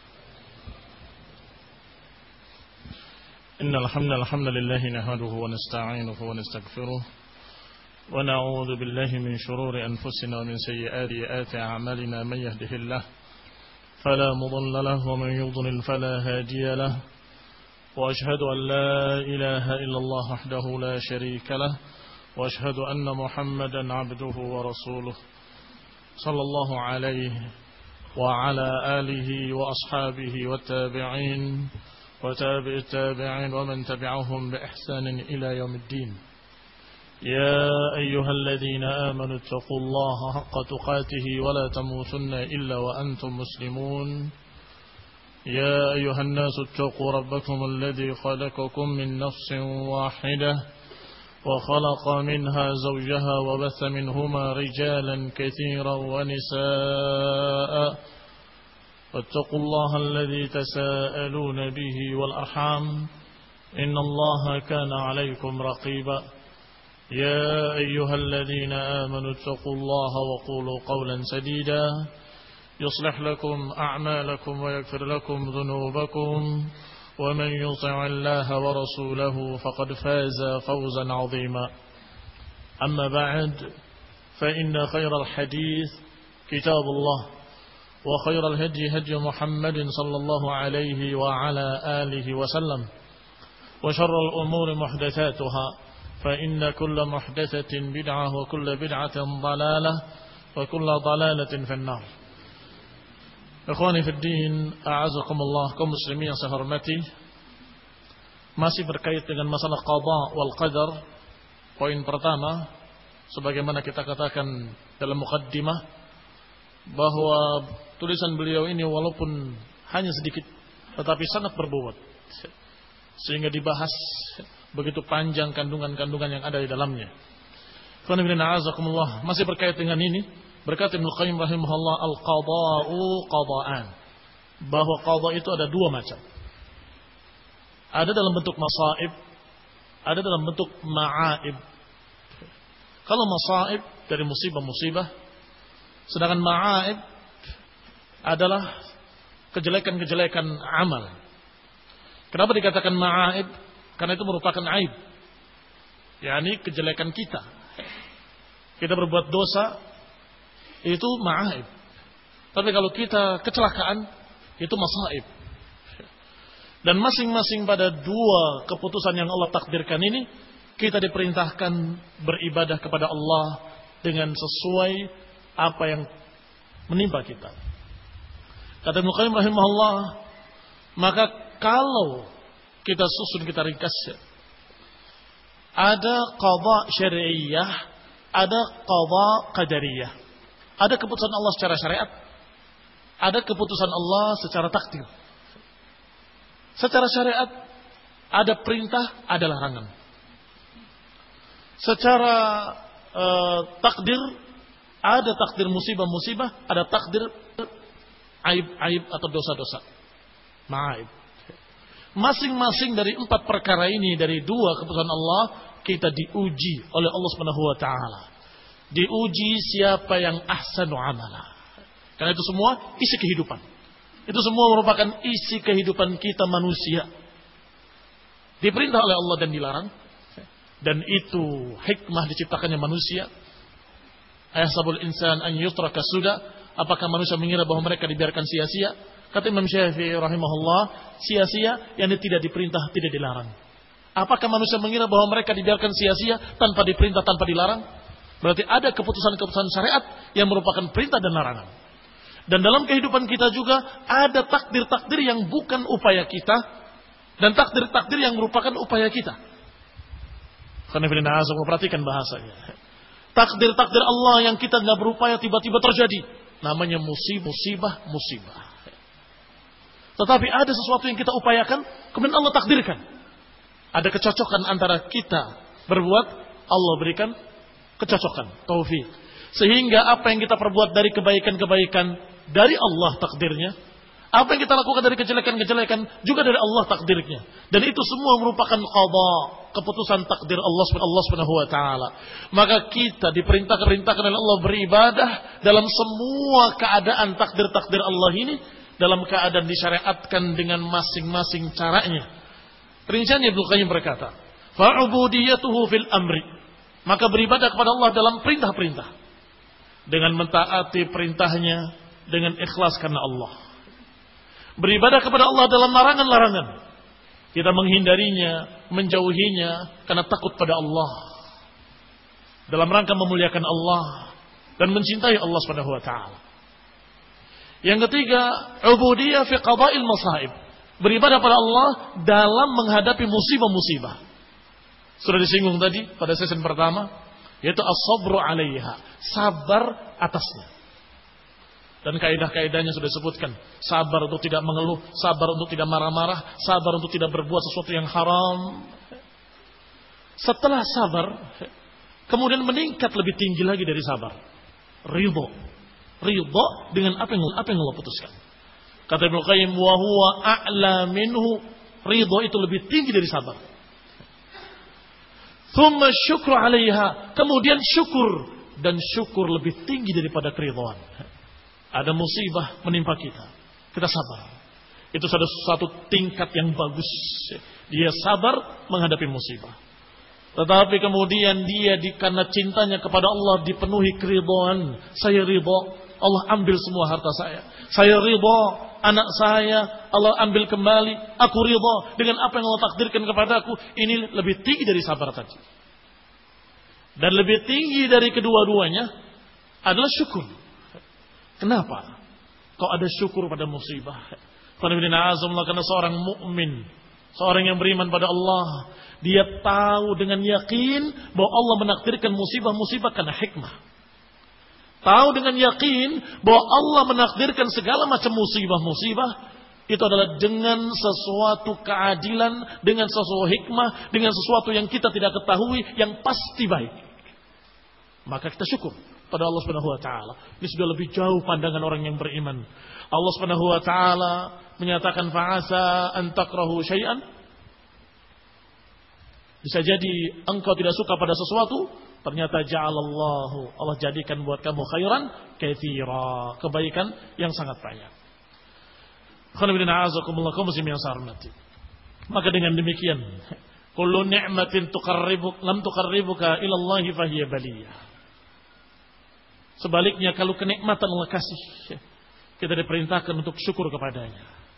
Kalau kita tidak syukur kepadanya, kenikmatan tadi jadi bencana. Sebaliknya, musibah. Kalau kita sabar, ridho, dan kita bersyukur dengan hikmah yang Allah kehendaki di dalamnya, maka musibah tadi menjadi kebaikan yang sangat besar. Khairan kathira. Sebaliknya, seorang yang kena berbagai macam perkara-perkara yang sesungguhnya itu kenikmatan. Tetapi ketika dia datang dengan kenikmatan tersebut, dia sombong. Tidak syukur pada Allah. Bangga diri. Ujub. Diberi keahlian dalam ilmu. Diberi hafalan yang kuat. Diberi kepandaian. Kemudian dia sombong ingin dimuliakan. Maka saat itu kenikmatan tadi jadi musibah. Artinya dia mendapatkan musibah yaitu sombong disebabkan karena kenikmatan-kenikmatan yang Allah berikan kepadanya. Sehingga kata Salamah ibn Dinar al-A'raj, Imam Muttiqah al-Hafidh, beliau menyatakan kullu ni'matin la tuqarribuka min Allah fahiya baliyah. Semua kenikmatan yang tidak mendekatkan engkau kepada Allah, maka itu adalah bencana. Allah berarti apa yang ditakdirkan oleh Allah semuanya baik. Kalau kita hadapi sesuai dengan apa yang disyariatkan oleh Rasulullah SAW. Ini adalah as-sunnah. Ini ajaran Rasulullah Sallallahu Alaihi wa ala alihi Wasallam. Demikian pula yang berikutnya. Kalau keputusan takdir Allah kita terjerumus dalam dosa. Jangan kemudian putus asa. Dan kemudian berkata percuma saya taubat. Ini tidak diperintahkan. Yang diperintahkan justru bertaubat. Ya ibadiyalladzina asrafu ala anfusihim la taqnatu min rahmatillah. Innallaha yaghfiru dzunuba jami'an. Wahai hamba-hamba Allah, wahai hamba-hambaku kata Allah, yang dolim terhadap dirinya sendiri. Asrafu ala anfusihim. Yang berbuat dosa, zalimul li nafsih. La taqnatu min rahmatillah. Jangan kalian putus asa dari rahmat Allah. Inna Allah yaghfiru dzunuba jami'an. Sesungguhnya Allah akan mengampuni seluruh dosa. Apa maknanya? Jangan putus asa. Minta ampunlah, taubatlah. Kalau kamu tergelincir dosa, hendaklah istighfar pada Allah Ta'ala. Astaghfiru rabbakum innahu kana ghaffara. Imam Ibn Qayyim rahimahullah menceritakan kisah yang ajibah, yang menakjubkan seorang dari pimpinan-pimpinan tentara kaum muslimin terjatuh dari atap rumahnya. Tiba-tiba patah kedua kakinya. Ditengok oleh Abu Qilabah rahimahullah. Dan kemudian dikatakan oleh Abu Qilabah, "La'alla fi hadha khairan lak." Mudah-mudahan yang demikian ada kebaikannya buatmu. Lihat ucapan seorang alim, ulama. Yang disabarlah Mudah-mudahan musibah ini ada kebaikan buatmu. Padahal patah dua-duanya. Dan dia pimpinan mujahidin. Pimpinan tentara. Maka orang tadi berkata. Menjawab ucapan Abu Qilabah. Ya Abu Qilabah. Ayu khairin fi kasri rijlaya jami'an. Wahai Abu Qilabah. Kebaikan apa dari patahnya kakiku dua-duanya? Patahnya kakiku kedua-duanya. Apa kebaikan apa? Kata Abu Qilabah, Ma satarallahu alaika akthar. Apa yang Allah sembunyikan darimu, itu lebih banyak lagi. Ini apa yang kau nggak ketahui, itu sangat banyak. Selesai. Kejadian itu. Sampai tiba-tiba terjadi apa yang terjadi. Yaitu masa Al-Husain bin Ali radhiyallahu taala anhuma yang ditipu oleh kaum Syiah disurati dengan sekian banyak surat untuk datang ke Irak. Sampai ketika dia akan berangkat bersama pasukannya, maka penguasa ketika itu memerintahkan untuk mencegah pasukan tentara Hussein. Diutuslah seseorang menemui orang tadi, pimpinan mujahidin. Khalifah Amirul Mukminin memerintahkan engkau untuk memimpin tentara mencegah pemberontakan Hussein. Maka dijawab, Bagaimana aku akan berangkat? Kau lihat kakiku. Patah dua-duanya. Maka dia melihatnya Dan disampaikan ke Amirul Mukminin dan ma'dzur mendapatkan uzur. Kemudian dia berkata, Rahimallahu Abu Qilabah. Semoga Allah merahmati Abu Qilabah. Ternyata patahnya dua kaki kun adalah khairan. Kebaikan yang sangat banyak. Aku selamat dari darahnya Husain. Aku selamat dari darahnya Husain. Ini yang tidak diketahui oleh manusia. Sebelum kejadiannya. Setelah terjadi baru tahu. Ternyata ada hikmah. Kadang-kadang belakang hari diketahui. Kadang-kadang tidak diketahui sama sekali sampai yaumul qiyamah. Ketika kita berhadapan dengan Allah Subhanahu wa taala, baru kita tahu ternyata musibah yang itu ini akibatnya, ini kebaikannya, ini hasilnya. Yang. Sehingga kata Abu Qilabah, "Ma satarallahu 'alaika akthar." Apa yang Allah sembunyikan darimu dari rahasia, rahasia takdir Allah akthar, lebih banyak. Maka hendaklah ikhwan ibn musibah seperti apa pun yang menimpa kita. Sabar, terima, ridha dengan takdir dari Allah Subhanahu wa taala dan kemudian kita syukuri hikmah-hikmah yang kadang kita tidak ketahui. Kaum muslimin yang saya hormati. Ada kisah lain. Ibnu Qayyim rahimahullah mengisahkan juga tentang gurunya Syekhul Islam Ibnu Taimiyah rahimahullah. Aku kata Ibnu Qayyim hadir menemui Syekhul Islam Ibnu Taimiyah di rumahnya.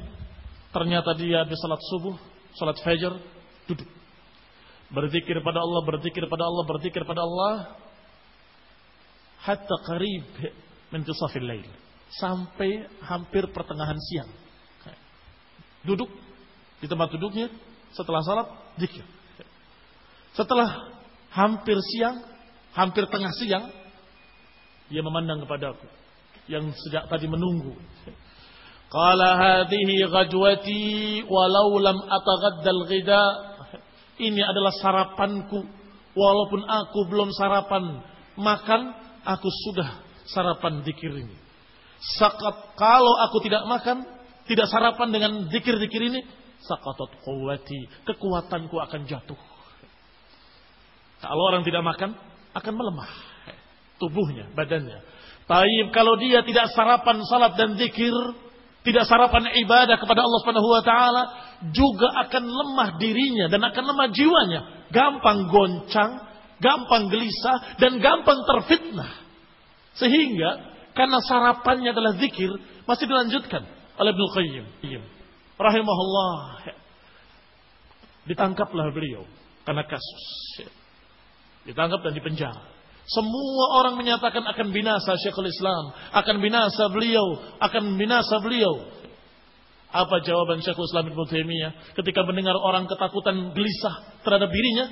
Maka dia berkata, "Ma yasna'u bi a'dai?" Apa yang mereka lakukan musuh-musuhku itu terhadapku? Ini apa yang dilakukan oleh musuh-musuhku terhadapku? Apa yang mereka bisa lakukan? Inna jannati fi sadri Surgaku itu di dadaku ini. Surgaku di dadaku. In rohtu fahiya ma'i la tufariquni. Ke mana pun aku pergi, dia ada di dadaku. Dan tidak pernah meninggalkan aku. Inna qatli syahadah. Kalau aku terbunuh, terbunuh syahid. Wa ikhraji min baladin siyahah. Dan kalau aku diusir, itu sebagai siyahah. Dan kalau aku ditahan, itu adalah khulwah. Tahu khalwat? Khalwat itu menyendiri dalam beribadah pada Allah SWT. Khalwatnya kaum muslimin adalah qiyamul lail. Ahlul bidah mengikuti rahbaniyah yang terdahulu dari kalangan Nasrani, mereka menyendiri di menara-menara, beribadah terus menerus. Dengan kata lain, memenjarakan dirinya, pengen ibadah terus gak keluar rumah.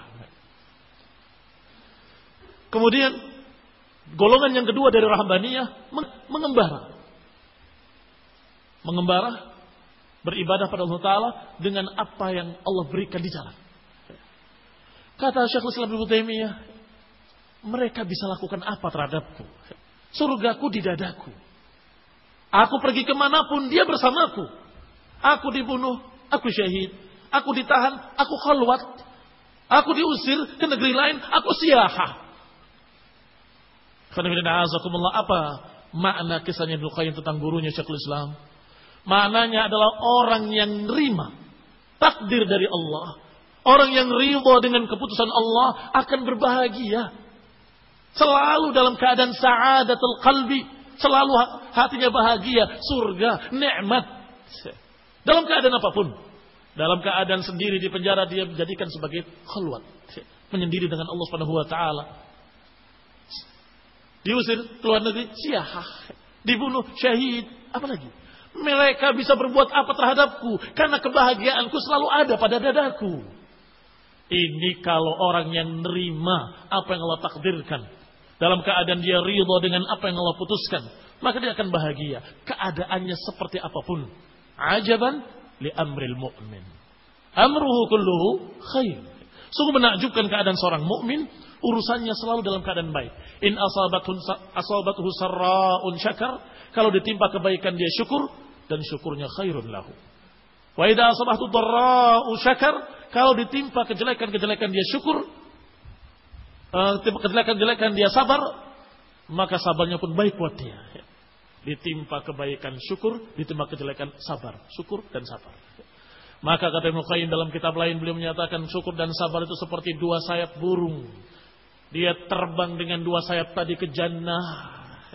Dia akan selalu berbahagia di dunia dan di akhirat dalam keadaan seperti apa pun, baik ataupun buruk, manis ataupun pahit. Karena dia beriman bi qada'illah wa qadari, khairihi wa syarrihi, hulwihi wa murrih. Karena masih dalam masalah takdir kita tutup dengan peringkat-peringkat atau martabah-martabah dalam beriman pada takdir. Sebab dengan peringkat-peringkat iman kepada takdir akan memudahkan kita untuk menerima apa yang diberitakan dalam Quran dan Sunnah tentang takdir. Yang pertama, tahapan-tahapan dalam mengimani takdir, pertama kita harus iman dulu. Bahwa seorang hamba hendaklah percaya bahwa Allah Subhanahu wa taala telah mengetahui segala sesuatu. Jadi beriman pada ilmu Allah. Ini yang pertama. Maka wa ma saya wa ma yakun wa ma sayakun wa ma lam yakun kaifa kan.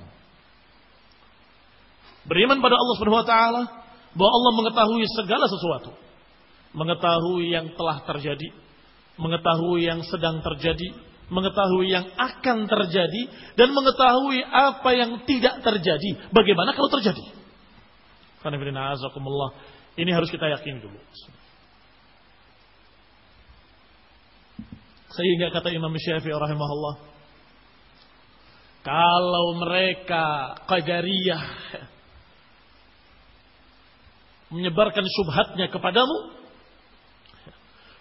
bantahlah dengan ilmu. Bantahlah dengan ilmu. Allah tidak menakdirkan saya memilih, ya saya menentukan. Saya mau minum atau saya tidak mau, saya menentukan. Bantahlah dengan ilmu Allah. Yang ditanyakan, apakah Allah sudah tahu kamu akan milih ini atau belum? Kalau dikatakan sebelum saya milih, Allah tidak tahu, kafir dia. Berarti mengatakan Allah tidak memiliki ilmu tentang apa yang akan datang. Kafir dia. Tapi kalau menyatakan, ya tahu, Allah tahu bahwa saya akan memilih yang ini. Taib, apa sulitnya bagi Allah? Ilmu yang sudah diketahui engkau akan milih ini ditulis di lahul mahfud. Selesai. Itu takdir. Cukup dibantah mereka dengan ilmu Allah. Kata kepada mereka, apakah Allah tahu apa yang kau pilih? Apa yang kau kerjakan? Kalau sudah tahu, kita katakan apa sulitnya bagi Allah untuk mencatat di lahul mahfud dan itu takdir. Kalau menyatakan, oh tidak, Allah tidak tahu. Sebelum saya milih, Allah tidak tahu. Berarti dia kafir mengingkari sifat Allah yang maha mulia, yaitu ilmu. Wahuwa alamul ghuyub. Allah maha mengetahui segala yang gaib. Allah katakan tentang dirinya, Qad ahata bi kulli syai'in ilma. Allah telah meliputi segala sesuatu ilmunya. Ilmu Allah meliputi segala sesuatu. Empat perkara tadi yang telah terjadi, yang sedang terjadi, yang akan terjadi, dan yang tidak terjadi. Bagaimana kalau terjadi? Allah tahu. Wa ilmu Allah jalla wa ala dan ilmu Allah jalla wa ala ghairu masbuqin bijahlin. Ilmu Allah tidak pernah didahului kebodohan. Tidak pernah didahului kebodohan. Jangan dikira seperti apa yang mereka katakan. Tadinya tidak tahu, jadi tahu. Tidak. Azalan wa abadan. Azalan wa abadan. Sejak dulunya sampai selamanya. Allah dalam keadaan tetap maha tahu. Tidak didahului kebodohan sama sekali. Ya'lamu sirra wa akhfa. Ya'lamu sirra wa akhfa. Mengetahui yang tersembunyi dan yang rahasia. Yang tersembunyi dalam hati Allah tahu. Dan apa yang akan datang Allah tahu.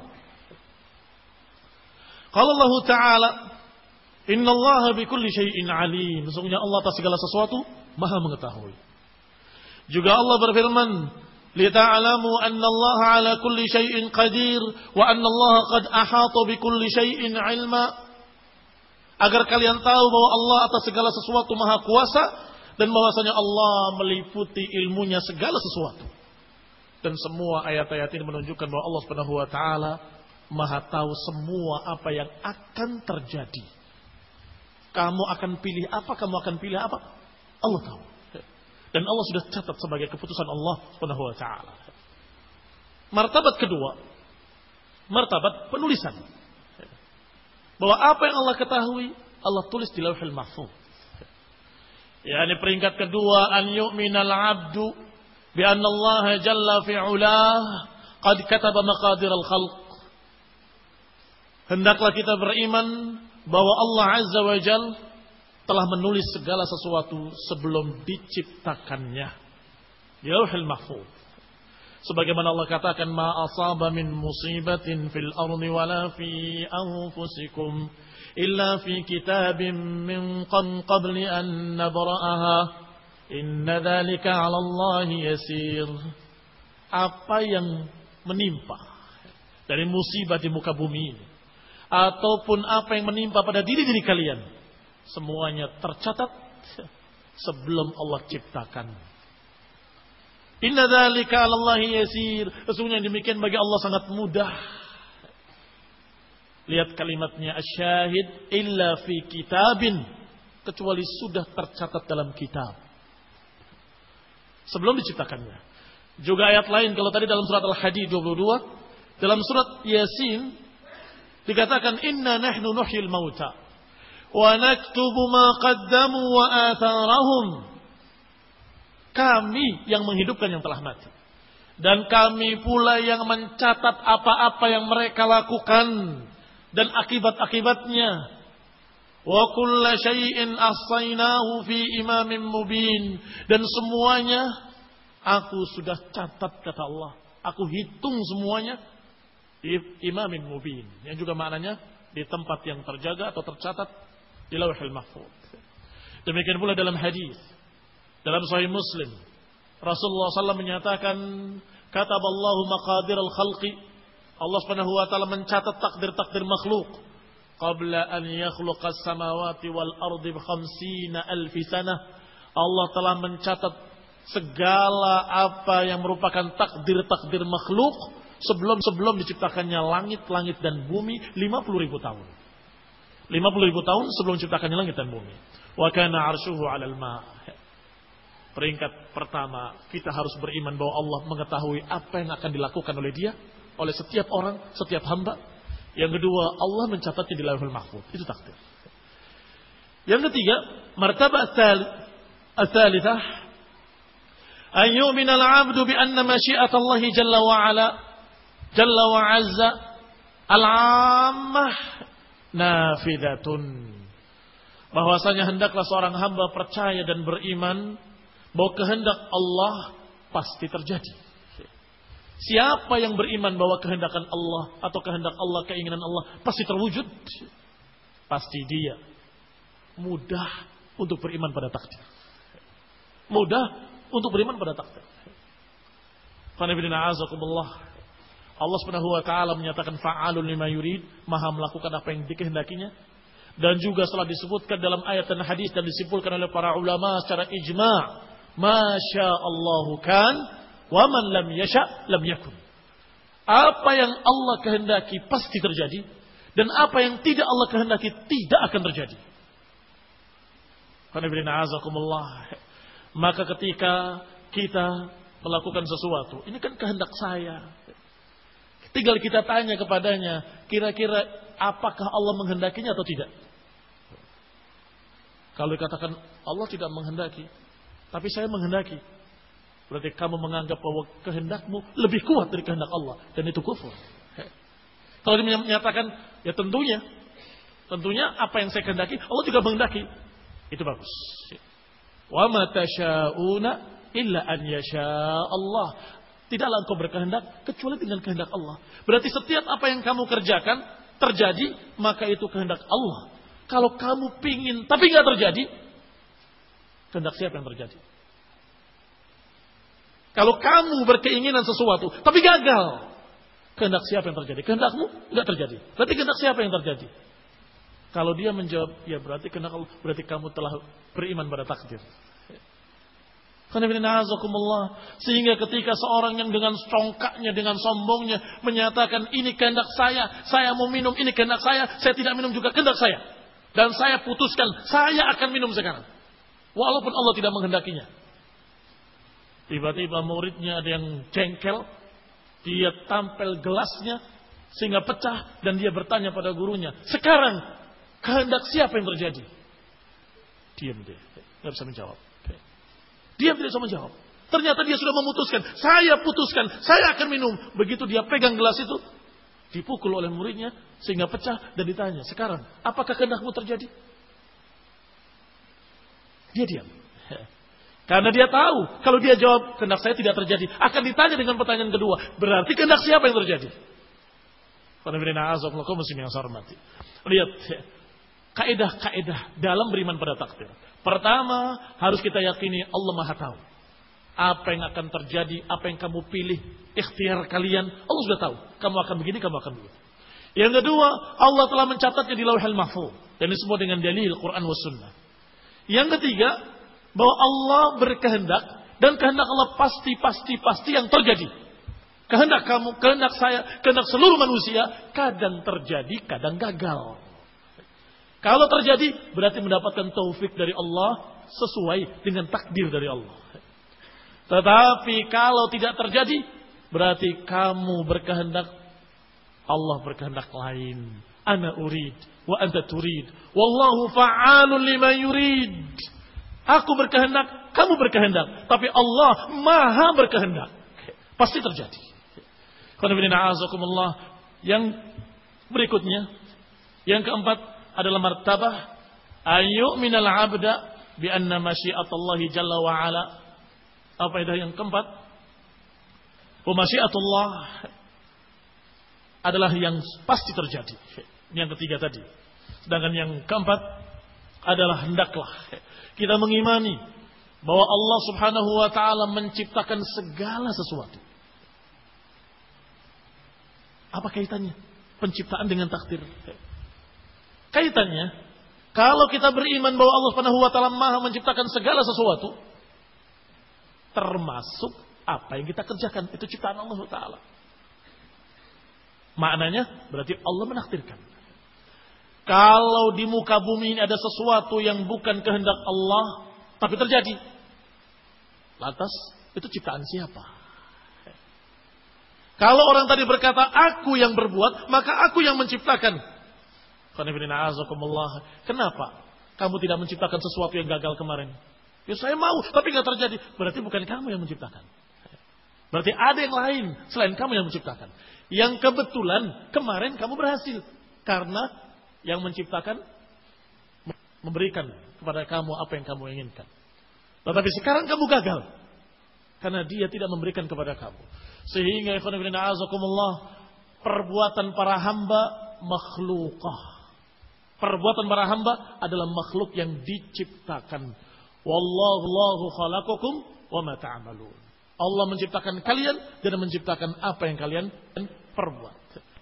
Allahu khaliqu kulli syai. Allah Maha menciptakan segala sesuatu. Kalau segala sesuatu berarti selain Allah makhluk. Kita tanyakan pada Qadariyah, amal-amal kalian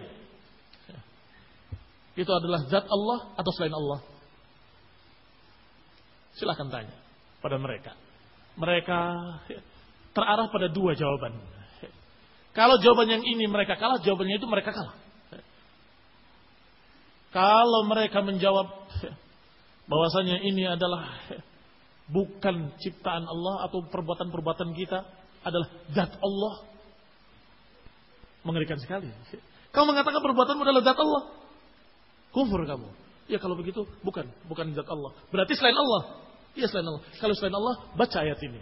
Wallahu khaliqu kulli syai. Allah menciptakan segala sesuatu selain Allah. Selain Allah, makhluk. Malaikat, makhluk. Jin, makhluk. Manusia, makhluk. Dan semua yang dilakukan, makhluk. Perbuatan-perbuatan manusia, karena dia bukan zat Allah, berarti dia makhluk. Karena Allah menciptakan segala sesuatu. Wa ma siwallahi makhluk. Apa yang selain Allah adalah makhluk yang diciptakan. Ya ayuhan nasu dzkuru ni'matallahi 'alaikum. Hal min khaliqin ghairullah? Wahai orang-orang, wahai manusia, ingatlah nikmat Allah atas kalian. Hal min khaliqin ghairullah? Apakah ada pencipta lain selain Allah? Bahkan yang kalian pancarkan dari mana kalian? Afara'aitum ma? Apakah kalian tidak lihat apa yang kalian pancarkan dari mana kalian? A'antum takhluqunahu am nakhlu khaliqun? Apakah kalian yang menciptakan atau aku kata Allah yang menciptakan? Ini dalil yang sangat qat'i. Yang mungkin sebagian orang merasa saya yang membuatnya sehingga lahirlah seorang anak. Atau ibunya yang merasa perut saya yang membikinnya. Kenyataannya dia tidak bisa merencanakan. Yang rencana hamil gak hamil-hamil. Yang tidak pengen hamil ternyata hamil. Berarti jelas bukan iradatukum, bukan iradah manusia, iradah Allah, bukan kalian yang menciptakan tapi Allah. Antum am? Apakah Allah yang menciptakan atau kalian? Apakah kalian yang menciptakan atau kami kata Allah? Maka empat peringkat ini subhanallah memudahkan kita untuk beriman kepada qadha wal qadar. Khairihi wa syarrih, hulwihi wa murrih. Yang pertama kita harus yakin bahwa Allah Maha tahu apa yang akan terjadi pada makhluk-makhluknya. Apa yang akan dipilih oleh mereka. Yang kedua meyakini bahwa Allah Subhanahu wa taala mencatat semua yang Allah ketahui. Fulan akan kafir, fulan akan mukmin, fulan akan berbuat baik, fulan berbuat jelek, semuanya tercatat di Lauhul Mahfuz sebelum ciptakan langit dan bumi. Yang ketiga, bahwa Allah Subhanahu wa taala menciptakan segala sesuatu kalau kita imani bahwa Allah menciptakan segala sesuatu, termasuk menciptakan perbuatan-perbuatan hamba. Eh, yang keempat, bahwa masyiatullah ammah, kehendak Allah mencakup segala sesuatu, termasuk yang kita kerjakan itu adalah kehendak Allah secara takdir. Kehendak Allah secara takdir. Qala Imam al-Humaydi rahimahullah. Kembali kepada matanya. Poin yang kedua dari beliau.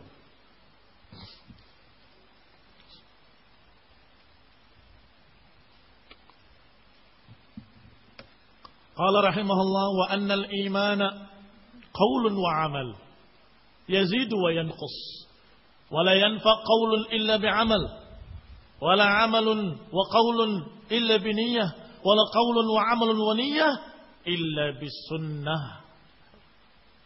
kata beliau rahimahullah dan bahwasanya al iman qaulun wa amal. Ingat wow untuk menunjukkan kalau ini atfun mengikut yang sebelumnya. Berarti masih mengikut kata pertama dari Imam Humaydi. As-sunnah indana an yu'mina bil qadari. Yang pertama. Was-sunnah indana annal iman qaulun wa amal. Berarti prinsip-prinsip sunnah yang berikutnya adalah iman, ucapan dan perbuatan. Yazidu wa yankhus. Bisa bertambah, bisa berkurang. Tidak akan bermanfaat ucapan tanpa pengamalan. Dan nggak bermanfaat ucapan dan pengamalan tanpa niat. Dan tidak bermanfaat amalun, perbuatan dan ucapan dan niat. Kecuali dengan sunnah. Sebagaimana sebelumnya, poin pertama ini pun sama kaidah. Ini merupakan kaidah yang sangat kokoh, yang tidak diselisihi kecuali akan binasa. Siapa yang menyelisihinya, mesti dia akan binasa. Kita akan bahas dari beberapa sisi. Pertama, dari sisi bahwa ini merupakan keyakinan seluruh ahli sunnah. Ijma. Berarti paling tidak sebelum kita baca dalil-dalilnya cukup dengan kata ijma saja kita sudah mengetahui bahwa siapa yang menyatakan selain ini fahuwa syadz maka dia orang yang menyimpang. Fahuwa syadzun syadza orang ini nyeleneh sendiri berbeda sendiri dan dikatakan para ulama man syadza syudda finnar siapa yang berbeda sendiri maka dia akan menjadi dalam neraka ini keluar dari al-jamaah keluar dari jamaah kaum mukminin yang pertama dan yang berikutnya yang mengikuti mereka ila yaumil qiyamah. Di antaranya yang dikisahkan tentang ijma'nya adalah Hafidh Ibn Abdul Bar dalam kitabnya Tamhid. Beliau menukil tentang ijma'nya masalah ini. Qala rahimahullah, ajma'a ahlul fiqh wal hadith ala anna al-iman qawlun wa amal. Wala amal illa bin niyyah. Wal imanu indahum yazidu bil ta'a wa yanqus bil Ibn Abdul bahwasanya para ulama telah sepakat ijma' seluruh ahlul iman bahwa keimanan itu terdiri dari ucapan dan perbuatan. Wala amal illa biniyah dan tidak ada pengamalan nggak dianggap kecuali harus dengan niat. Dan iman menurut mereka seluruhnya secara ijma' bisa bertambah dengan ketaatan dan bisa berkurang dengan kemaksiatan. Sebagaimana dikatakan oleh Imam Al-Bukhari rahimahullah. Tadi pertama ucapan Ibn Abdul Bar. Yang kedua ucapan Imam Bukhari. Qala lam aktub illa amman qala al-iman qaulun wa amal. Sungguh aku tidak mengambil ilmu kecuali dari orang-orang yang berkata, iman adalah ucapan dan perbuatan. Gurunya Imam Bukhari lebih dari 100. Sekian banyak. Tapi tidak ada satu pun yang berpendapat lain dalam masalah ini. Semuanya sama. Menyatakan al-iman, iman, qaulun wa amal. Apa maknanya? Maknanya bahwa ucapan iman, ini iman itu dari ucapan ikrar dan juga ucapan hati. Perbuatan anggota badan dan juga perbuatan hati. Sehingga azakumullah dikatakan di sini dalam riwayat lain katabtu aku nulis an alfin wa rajulan aku mencatat ilmu dari 1080 orang rajulan laisa fihim illa sahibu hadith tidak ada dari mereka kecuali ahli sunnah sahibu hadith Kanu yaqulun semuanya berkata al-iman qaulun wa amal yazidu wa yanqus. Semuanya berkata iman itu ucapan dan perbuatan bertambah dan berkurang. Sudah kita katakan tadi bahwa ini ijma' seluruh para ulama ahli sunnah. Sehingga man syadza, siapa yang beda sendiri, maka dia balal, menyimpang, sesat, keluar dari al-jamaah. Siapa di antaranya? Murji'ah. Kaum Murji'ah menyatakan bahwa yang namanya iman hanya qaulun, hanya ucapan. Sebagian mereka yang lebih ekstrim menyatakan hanya tiqad, hanya keyakinan. Siapa yang meyakini bahwasanya la ilaha illallah Muhammad Rasulullah walaupun belum berikrar dia sudah mukmin. Nauzubillah. Demikian pula siapa yang mengucapkan dengan mulutnya asyhadu la ilaha illallah walaupun tidak yakin, hatinya tidak berikrar, tetap mukmin. Ini murjiah. Dan ada pula murjiatul fuqaha yang tidak kalah jeleknya menyatakan bahwasanya iman bahwasanya perucapannya saja dan keyakinan, perbuatan tidak masuk. Berarti kalau dia sudah yakin, sudah ikrar, dia mukmin. Lalu bagaimana amalannya? Amalnya nggak ngaruh. Mau berbuat apa pun iman tidak berubah. Inna lillahi wa inna ilaihi raji'un. Sampai-sampai didatangi oleh para imam-imam ahli sunnah. Ditanyakan kepadanya. Ana as'alu. Aku tanya kepadamu. Bagaimana kalau seorang sudah bersyahadat. Sudah meyakini. Kemudian dia minum khamr. Membunuh bapaknya. Minum khamr dari batok kepala bapaknya. Dan kemudian dia menzinai ibunya sendiri. Apakah imannya tetap sempurna? Menurut kami, iya. Iman tidak berkurang sama sekali Karena amalan tidak termasuk iman. Iman itu adalah keyakinan dan dan ikrar. Titik. Tidak berkurang, tidak berkurang menurutku. Ini mereka marah para ulama. Sampai mereka menyatakan sungguh wajhi min wajhika haram. Wajahku dari wajahmu haram. Yang kedua menyatakan wallahi la yudhilluni wa iyyaka saqfun abadan illa masjid. Sungguh enggak akan menaungi aku dan kamu satu atap selama-lamanya kecuali masjid. Yang ketiga menyatakan la ukallimuka abada. Sungguh aku enggak akan mengajak bicara kepadamu selama-lamanya. Kisah ini diriwayatkan dengan sanad oleh Imam Hibatullah Al-Lalikai dalam kitabnya Usul I'tiqad Al-Sunnah wal Jamaah. Ini baru murjiatul fuqaha. Sudah begitu sikapnya para ulama ahlus sunnah, kerasnya. Bagaimana kira-kira dengan mereka-mereka yang menyatakan bahwa iman hanya tiqad saja. Walaupun dia masih di kalangan Nasrani, kalau dia sudah meyakini la ilaha illallah Muhammad Rasulullah walaupun belum ikrar dikatakan sudah mukmin. Bagaimana dengan mereka yang menyatakan cukup dengan ucapan saja walaupun hatinya nggak yakin.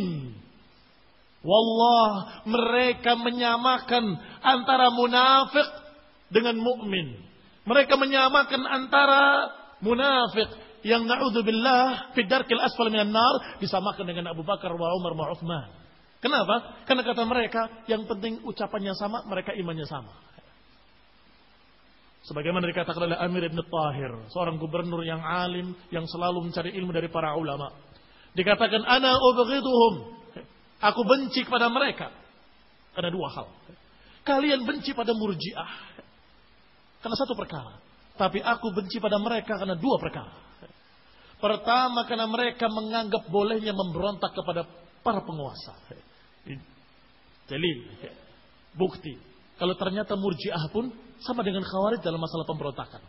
Membolehkan memberontak kepada penguasa yang zalim. Itu yang pertama aku benci pada mereka. Yang kedua, wallah demi Allah, aku tidak tega menyatakan imanku sama dengan imannya Imam Ahmad. Wa fulan wa fulan. Dan aku nggak tega, nggak sampai hati menyatakan imanku sama dengan mereka. Dengan para imam-imam tersebut. Ternyata mereka menganggap iman mereka sama dengan imannya Jibril wa Mikail. Sama dengan imannya Abu Bakar wa Umar. Ini yang bikin aku benci mereka.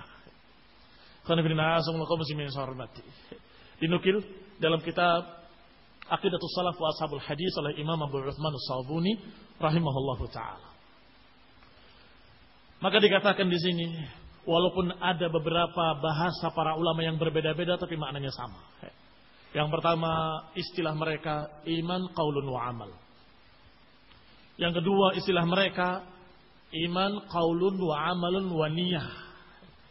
Yang ketiga istilah mereka al-iman qaulun wa amalun wa niyatun wa tiba'is sunnah. Apakah bertentangan antara ini dengan itu? Ada yang menyatakan dua, ada yang menyatakan tiga, ada yang menyatakan empat. Ada yang menyatakan iman qaulun wa amal. Dua saja. Qaulun wa amalun. Ucapan perbuatan. Ada yang menyatakan qaulun wa amalun wa i'tiqad. Ucapan, perbuatan, keyakinan. Ada yang menyebutkan empat. Ucapan, perbuatan, keyakinan, dan sunnah. Dan itiba sunnah. Alhamdulillah. Enggak ada perselisihan dalam masalah ini. Kenapa? Karena mereka mereka para ulama menyatakan iman, ucapan dan perbuatan saja hanya dua qaulun wa amal itu maknanya adalah qaulul lisan wa qaulul qalbi. Berarti hati termasuk dalamnya. Ucapan lisan dan ucapan hati. Demikian pula amalnya. Amalul lisan wa amalul qalbi. Berarti sama termasuk i'tiqad di dalamnya. Sehingga tidak ada pertentangan di antara mereka. Walhamdulillah. Ini pembahasan yang kedua. Pembahasan pertama bahwa itu adalah ijma para ulama. Pembahasan kedua, bahwa istilah para ulama tidak bertentangan sesama mereka. Bahwa yang menyatakan kaulun wa amal, tentunya kaulul lisan wa kaulul qalbi. Dan amalnya, amalnya juga amalan anggota badan dan amalan hati. Sehingga termasuk di dalamnya al-i'tiqad. Wallahu ta'ala. Pembahasan ketiga, tentang masalah ziyadatun wa nuqsan. Bertambahnya dan berkurangnya. Karena disebutkan sana dalam mata dalam matanya yazidu wa yanqus. Bertambah dan berkurang. Wal annal iman qaulun wa amalun yazidu wa yanqus.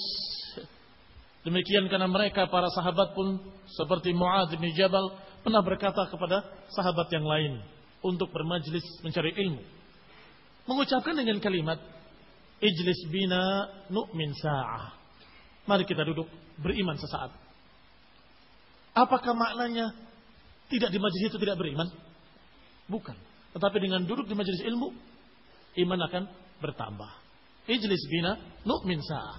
Duduklah sebentar, kita beriman sesaat. Ya ini menambah keimanan kita. Demikian pula diriwayatkan dari Imam Abdullah ibni Imam Ahmad rahimahullah. Sami'tu abi su'ila anil irja. Bapakku pernah ditanya tentang murji'ah. Apa jawabannya? Faqala nahnu naqul. Kita berkata. Al-iman qaulun wa amal yazidu wa yanqus. Iman itu ucapan dan perbuatan. Dan bertambah serta berkurang. Bisa bertambah, bisa berkurang. Ida zana wa syariba syaribal khamr naqasa imanu. Kalau dia berzina, dia minum khamr, maka berkurang imannya. Sebagaimana kalau dia beramal saleh bertambah imannya. Demikian pula Imam Al-Ajurri dalam kitabnya Syariah menukil ucapan dan juga Abu Ahmad Al-Hakim menukil ucapan Al-Imam Abdul Razak As-San'ani rahimahullah. Dia berkata, "Sami'tu Malikan wal Auza'i wa Ibnu Jurayj yaqulun al-iman qaulun wa amalun yazidu wa yanqus." Bahwa iman itu ucapan dan perbuatan bertambah dan berkurang. Lihat yang dinukil oleh imam, oleh mereka oleh Imam Abdul Razak Sanani, Imam Malik, Imam Al-Auza'i, Imam Ibn Zuraid, Imam Al-Thawri dan Ma'amar. Imam Ma'amar rahimahumullah. Dan juga yang menukil dari Imam Abdul Razaknya Al-Ajurri dan juga Abu Ahmad Al-Hakim rahimahumullah. Berarti mereka semua sepakat dalam masalah iman, ucapan dan perbuatan bertambah dan berkurang. Al-Khallal rahimahullah dengan sanad yang sahih menukil ucapan Yahya bin Ma'in rahimahullah. Al-iman qaulun wa amal yazidu wa yanqus. Sama. Demikian pula Abdullah bin Imam Ahmad dalam sunnah menukil ucapan Uthman ibn Abi Shaybah. Dan beliau juga menukil ulama juga. Qala ibn Abi Shaybah, sa'atu ibn Idris wa jariran wa waki'an faqalu al-iman yazidu wa yanqus. Aku tanya pada Ibnu Idris pada Jarir, pada Waqi' Ibn Jarrah rahimahullah, semuanya mengatakan iman bertambah dan berkurang. Berarti azakumullah, di samping kita beriman bahwa iman itu mencakup perbuatan dan mencakup ucapan, juga kita harus mengimani bahwa iman itu bisa bertambah, bisa berkurang. Bahkan Imam Bukhari rahimahullah dalam kitabnya yang ma'ruf kitab sahih Jami' sahih menyebutkan satu bab khusus bab ziyadatul iman wa nuqsanih. Bab bertambahnya iman dan berkurangnya. Dan bab qaulihi ta'ala, qaulillahi ta'ala wazidnahum huda dan kami tambah mereka hidayah. Ini tambah hidayah, mana tambah imannya. Dan juga qaulihi ta'ala yazdadal ladzina amanu imana dan bertambahlah orang beriman itu imannya. Dan juga ayat Allah Subhanahu wa taala, "Al-yauma akmaltu lakum dinakum." Perhatikan fikih beliau. Perhatikan fikih beliau yang sangat jeli. Ayat Allah Subhanahu wa taala, "Al-yauma akmaltu lakum dinakum." Hari ini telah aku sempurnakan bagi kalian agama kalian. Apa kaitannya dengan masalah iman? Yajid wa yanqus. Perhatikan ayat tadi. Hari ini aku sempurnakan agama kalian. Apa lawannya sempurna? Kurang. Iya kan? Lawannya sempurna? Berkurang. Taib. Kata Imam Al-Bukhari rahimahullah. Fa'idha taraka syai'an minal kamal fahuwa naqis. Kalau yang sempurna tadi ternyata ditinggalkan sebagiannya, berarti kurang. Alisa kata, lihat jelinya beliau rahimahullah. Kalau Allah katakan al-yawma akmaltu lakum dinakum, berarti agama ini satu kesatuan yang sempurna. terdiri dari sekian hukum-hukum, sekian sunnah-sunnah yang kalau kalian tidak melengkapinya, berarti tidak lagi sempurna. Pada kamu berkurang keislamannya. Iya kan? Kalau kamu tidak mengerjakannya secara lengkap, berarti kurang agamamu. Kurang keislamanmu. Apa maknanya kurang keislamanmu? Kurang imanmu. Alhamdulillah. Sangat jelas sisi pendalilan beliau rahimahullahu taala. Wa hadha al-i'tiqad huwa alladhi hakahu al-Imam Abu Zur'ah. Ini pula keyakinan yang dibawakan yang disebutkan oleh Imam Abu Zur'ah dan Abu Hatim Ar-Razian. Fima adraka alaihi a'immah. Sebagaimana apa yang diambil dari para imam-imam yang sebelumnya. Rahimahumullah. Sekarang yang berikutnya. Pembahasan berikutnya adalah tentang siapa saja yang menyelisihi prinsip yang kedua ini.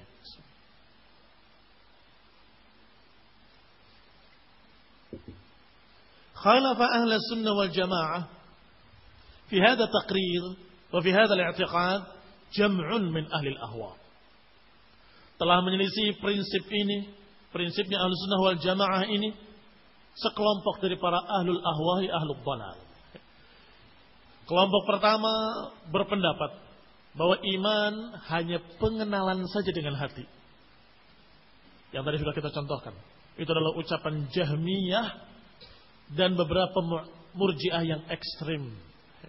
Jahmiyah dan murjiah yang ekstrim menyatakan cukup keyakinan saja. Wamin qailin, sedangkan pendapat yang kedua dari mereka ahlul balal menyatakan bahwa iman yakfi fil imani qaulun bil lisan Cukup dengan ucapan saja mukmin dia. Dan ini di antaranya tidak diketahui yang memulainya kecuali al-karamiyah. Al-karamiyah. Yang ketiga, firqatun ukhra. Kelompok lain lagi yang menyatakan bahwa dalam iman cukup keyakinan dan ikrar, ucapan bilisan saja. Manhum Hum murji'atul fuqaha. Mereka lah murji'atul fuqaha. Wal haqqu anna al khilaf baina murji'atul fuqaha wa baina taqrir ahli sunnah khilafun haqiqi. Kata Syekh Abdullah Al-Bukhari. Karena saya ambil syarahnya ini dari tulisan beliau. Syekh Abdullah Al-Bukhari hafizahullah ta'ala dalam daurah beliau di Mekah. Kata beliau. Dan perselisihan antara murji'atul fuqaha dengan ahli sunnah khilafun haqiqiyun. Perselisihan yang nyata, yang sebenar-benarnya perselisihan. Bukan lafzi sebagaimana dikatakan sebagian orang. Karena sebagian orang mengira bahwa perselisihannya hanya lafaz saja. Kata mereka, memang mereka berkata tidak bertambah, tidak berkurang dengan amalannya, tapi ketakwaannya berkurang, imannya nggak berkurang. Jadi cuma lafaz saja yang berbeda. Tidak. Perbedaannya hakiki, mendasar. Berarti mereka tetap berkata bahwa iman tidak bertambah, tidak berkurang. Ini fatal, ini besar. Sudah kita contohkan tadi sampai ada tiga ulama ahli sunnah yang menyatakan perlepas diriannya dari mereka. Aku tidak mau berbicara dengan kalian dan seterusnya dan seterusnya. Sebagai tahdiran, sebagai peringatan dari bahaya pendapat yang seperti ini. Ikhwan ibn a'azakumullah muslimin yang Wa aktarul mu'minin innama indahum imanun mujmal. Kebanyakan kaum mukminin biasanya beriman dengan iman global saja. Tapi tidak rinci. Pokoknya saya percaya, titik.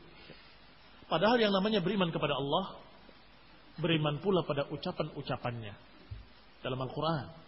Beriman pula pada berita-beritanya dalam Al-Quran. Berita pula beriman pula pada asma dan sifatnya yang diberitakan dalam Al-Quran. Iya kan? Tapi kebanyakan orang-orang awam yang namanya beriman pada Allah, saya percaya pada Allah, titik, selesai. Padahal beberapa prinsip-prinsip dalam Quran ditentang.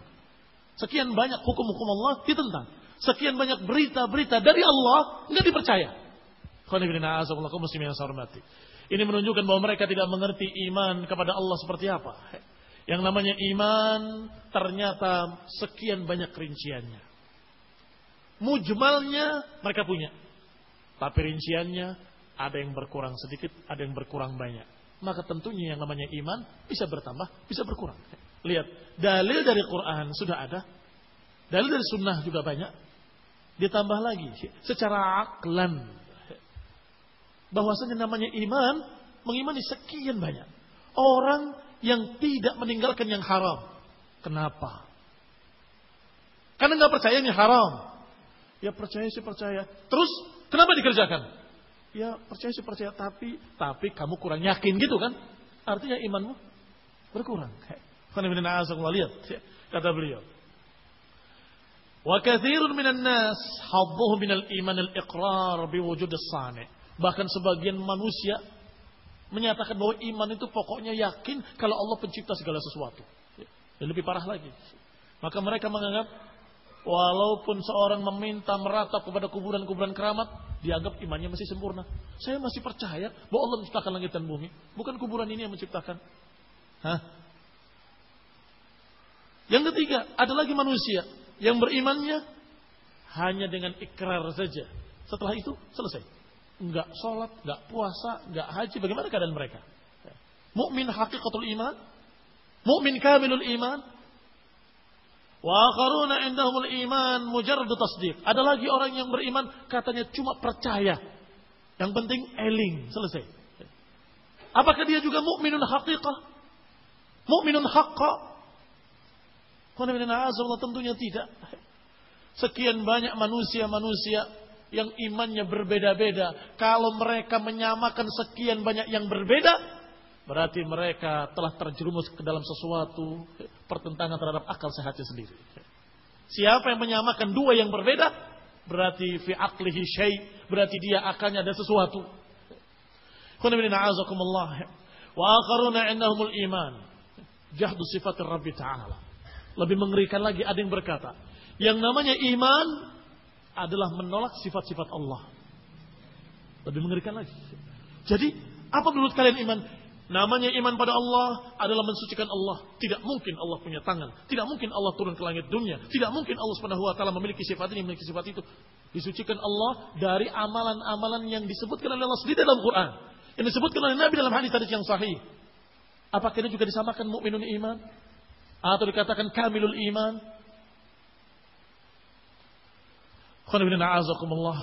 Di antara mereka ada yang menyatakan bahwa iman adalah beribadah dengan perasaan. Kaum sufi. Ada juga di antara mereka yang namanya iman. Pokoknya apa kata bapak saya, apa kata nenek moyang saya. Ada lagi yang menyatakan yang namanya iman adalah akhlak yang mulia. Kalau sudah berakhlak mulia, mukminul iman atau mukmilul iman, kamilul iman. Ada lagi yang menyatakan bahwa iman adalah dengan meninggalkan dunia seluruhnya. Kalau berhasil dia meninggalkan dunia seluruhnya, mukmin hakikatul iman atau kamilul iman. Wa ala min iman ja'al iman huwa majaradul ilm. Dan yang paling mendingnya dari yang salah-salah ini semua, yang menyatakan bahwa iman cukup pengetahuan saja. Wa in lam yufariqul amal, wa in lam yuqarinuhul amal walaupun tidak diiringi pengamalan, palan. Yang penting tahu, oh iya itu haram, oh iya itu halal, oh ini wajib, selesai. Tidak ada pembuktian-pembuktian. Kullu haula'i, semua mereka itu lam ya'rifu haqiqatal iman, mereka tidak mengerti hakikat keimanan. Wala qamu bihi dan mereka belum menegakkan keimanan dan mereka dalam keadaan belum bisa menegakkan pada diri mereka sekian banyak cabang-cabang keimanan. Iman ada bid'un wa sittuna syu'bah. Iman ada 70 sekian sekian cabang. A'laha la ilaha illallah. Dan yang adanaha imatatul adha anut tariq. Iman bercabang-cabang sekian cabang. Yang paling tingginya syahadat la ilaha illallah. Dan yang paling rendahnya menggeser gangguan-gangguan dari jalan manusia. Jangan sampai ada yang kena duri ini dipinggirkan. Tapi pertanyaannya, menggeserkan duri dari jalan atau building atau apa yang berbahaya bagi manusia disingkirkan ke pinggir.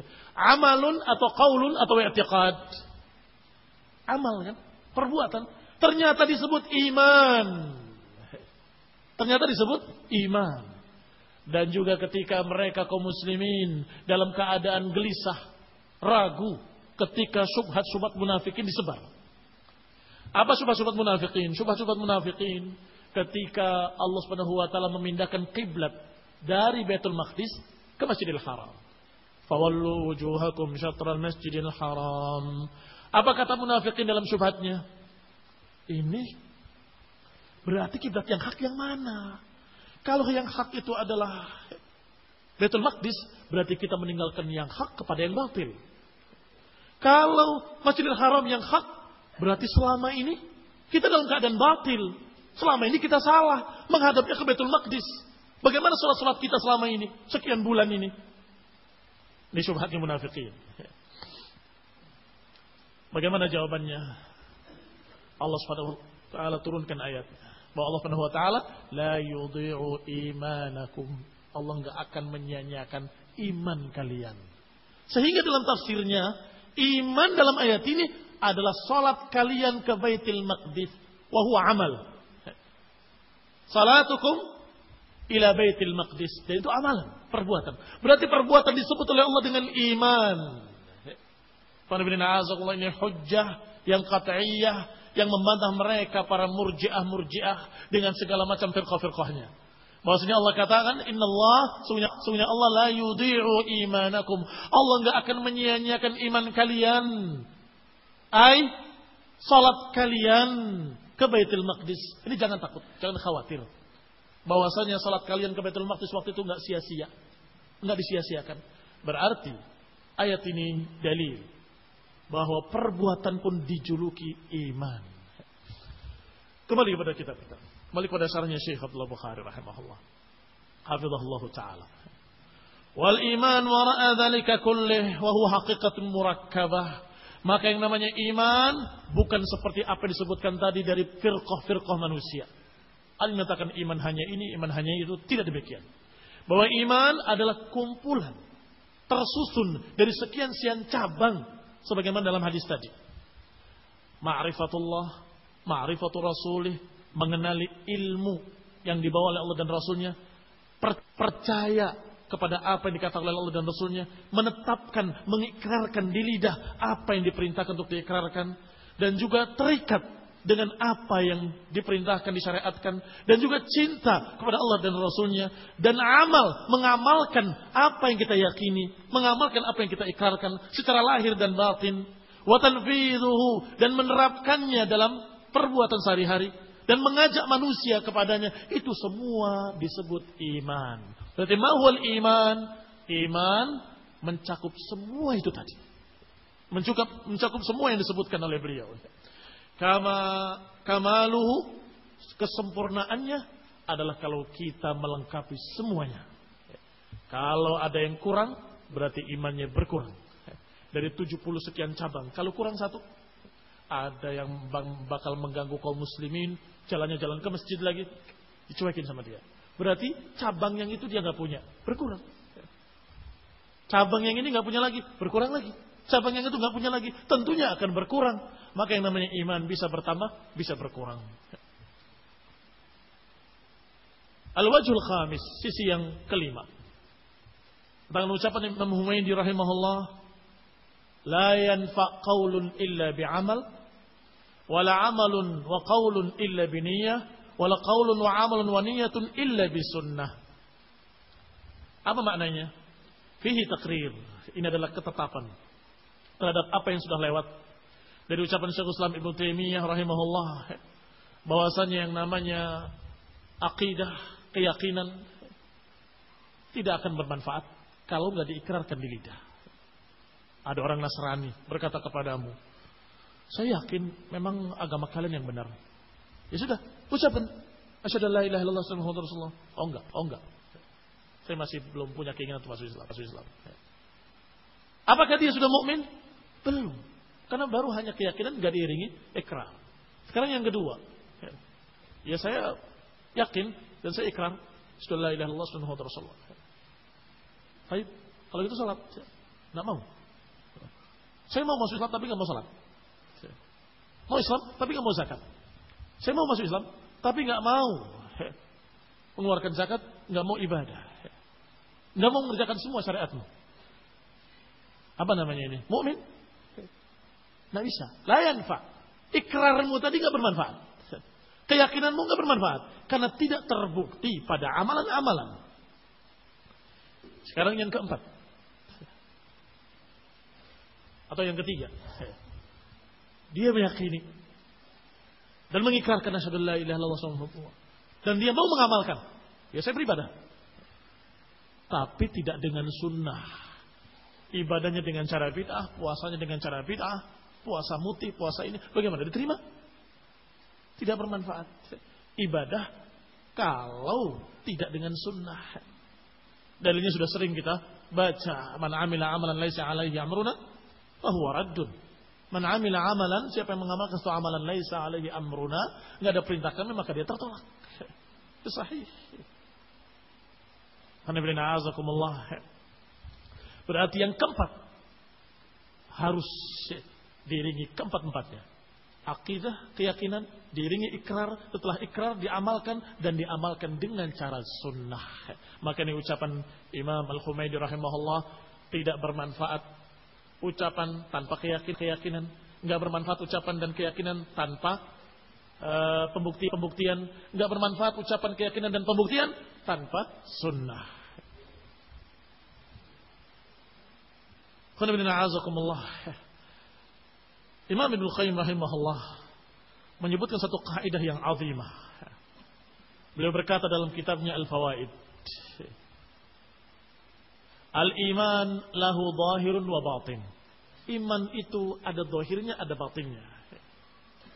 Apa zahirnya? Apa batinnya? Kata beliau zahirnya ucapan di lisan dan amalan dengan anggota badan. Jadi yang tampak secara zahir ucapan di lisan, asyhadu an la ilaha illallah Asyhadu Muhammad Rasulullah. Dan juga amal jawarih, salatnya, puasanya, amalan anggota badan. Itu dohirnya. Sedangkan batinnya adalah keyakinan dalam hati atas kebenaran apa yang dikatakan oleh Allah dan Rasulnya. Wan qiyad dan keterikatan hati dengannya. Wa mahabbatuhu dan cinta kepada Allah dan Rasulnya dan cinta kepada syariat yang diajarkannya. Ini iman. Ada zahirnya, ada batinnya. Kalau ada dohirnya, nggak ada batinnya, percuma. Itu imannya siapa? Munafiqin. Dohirnya ikut sholat. Walaupun sholatnya malas, idza qamu ila salah qamu kusala, yura'unan nas, mereka ria ingin dilihat manusia. Tapi dohirnya sholat. Tapi nggak ada dalam hatinya keyakinan. Maka tidak bermanfaat. Sebaliknya, seorang yang dalam keadaan dia ya keyakinannya keyakinannya punya, dia punya. Katanya. Kenapa saya katakan katanya? Karena masalah keyakinan kita nggak tahu. Saya yakin, wallahi saya yakin, sungguh saya yakin dalam hati. Katanya. Tapi amalannya tidak ada. Apa kan kita katakan? Saya nggak percaya. Loh, sungguh, wallahi saya yakin. Jangan bawa nama Allah. Jangan bawa nama Allah. Kenapa kamu mengatakan yakin, tapi buktinya nggak ada. Wallahi saya takut sama ini, api ini, tapi dia tangannya masukkan ke api. Tidak sesuai. Tidak sesuai dengan ucapannya. Saya nggak percaya kalau kamu takut. Maka demikian adalah bukti dari keimanan yang tidak terlihat, keyakinan yang tidak terlihat dalam hati. Sehingga saya, kami, manusia kaum muslimin hanya tahu perkara-perkara-perkara zahir. Kalau engkau idharkan pada lidahmu, aku bersaksi, baru kami percaya. Kalau kamu membuktikan persaksian dengan perbuatan, baru kami tahu ternyata kamu konsekuen imannya. Tetapi kalau kamu menyatakan kami yakin, kami yakin, kami yakin, tetapi tidak ada buktinya pada lidahnya, nggak ada ikrar, dan nggak ada bukti pada perbuatannya, ya, kita nggak percaya. Karena Rasulullah SAW menyatakan, bahwa inna fil jasadi mudghah idza saluhat saluhal jasadu kullu wa idza fasadat fasadal jasadu kullu. Ala wa hiya al qalb sesungguhnya dalam jasad ini ada mudghah ada satu gumpalan daging atau darah yang dia dalam keadaan kalau baik baik seluruh tubuhnya kalau jelek jelek pula seluruh tubuhnya. Ala wa hiya al qalb ketahuilah itulah hati. Maka kalau kamu menyatakan hatimu yakin punya iman punya i'tiqad maka semestinya anggota badannya pun jadi baik. Perbuatannya sunnah, amalannya amalan sunnah, sikapnya sikap sunnah, pandangannya pandangan sunnah, ucapannya akhlaknya juga akhlak sunnah. Baru kita lihat bahwa orang ini benar-benar beriman. Tapi kalau ada yang kurang dikit-dikit, orang ini kurang imannya. Atau mukminun bi imane, bahwa orang itu beriman dengan keimanannya, tetapi dia dalam keadaan kurang pengamalannya, yakni berkurang imannya karena dia meninggalkan sebagian perkara-perkara yang baik yang merupakan cabang-cabang keimanan. Wallahu taala a'lam bissawab. Yang berikutnya insyaallah kita akan bahas pada zuhur billahi taala. Subhanakallahumma wa bihamdika la ilaha illa anta astaghfiruka wa atubu ilaik. Wassalamualaikum warahmatullahi wabarakatuh.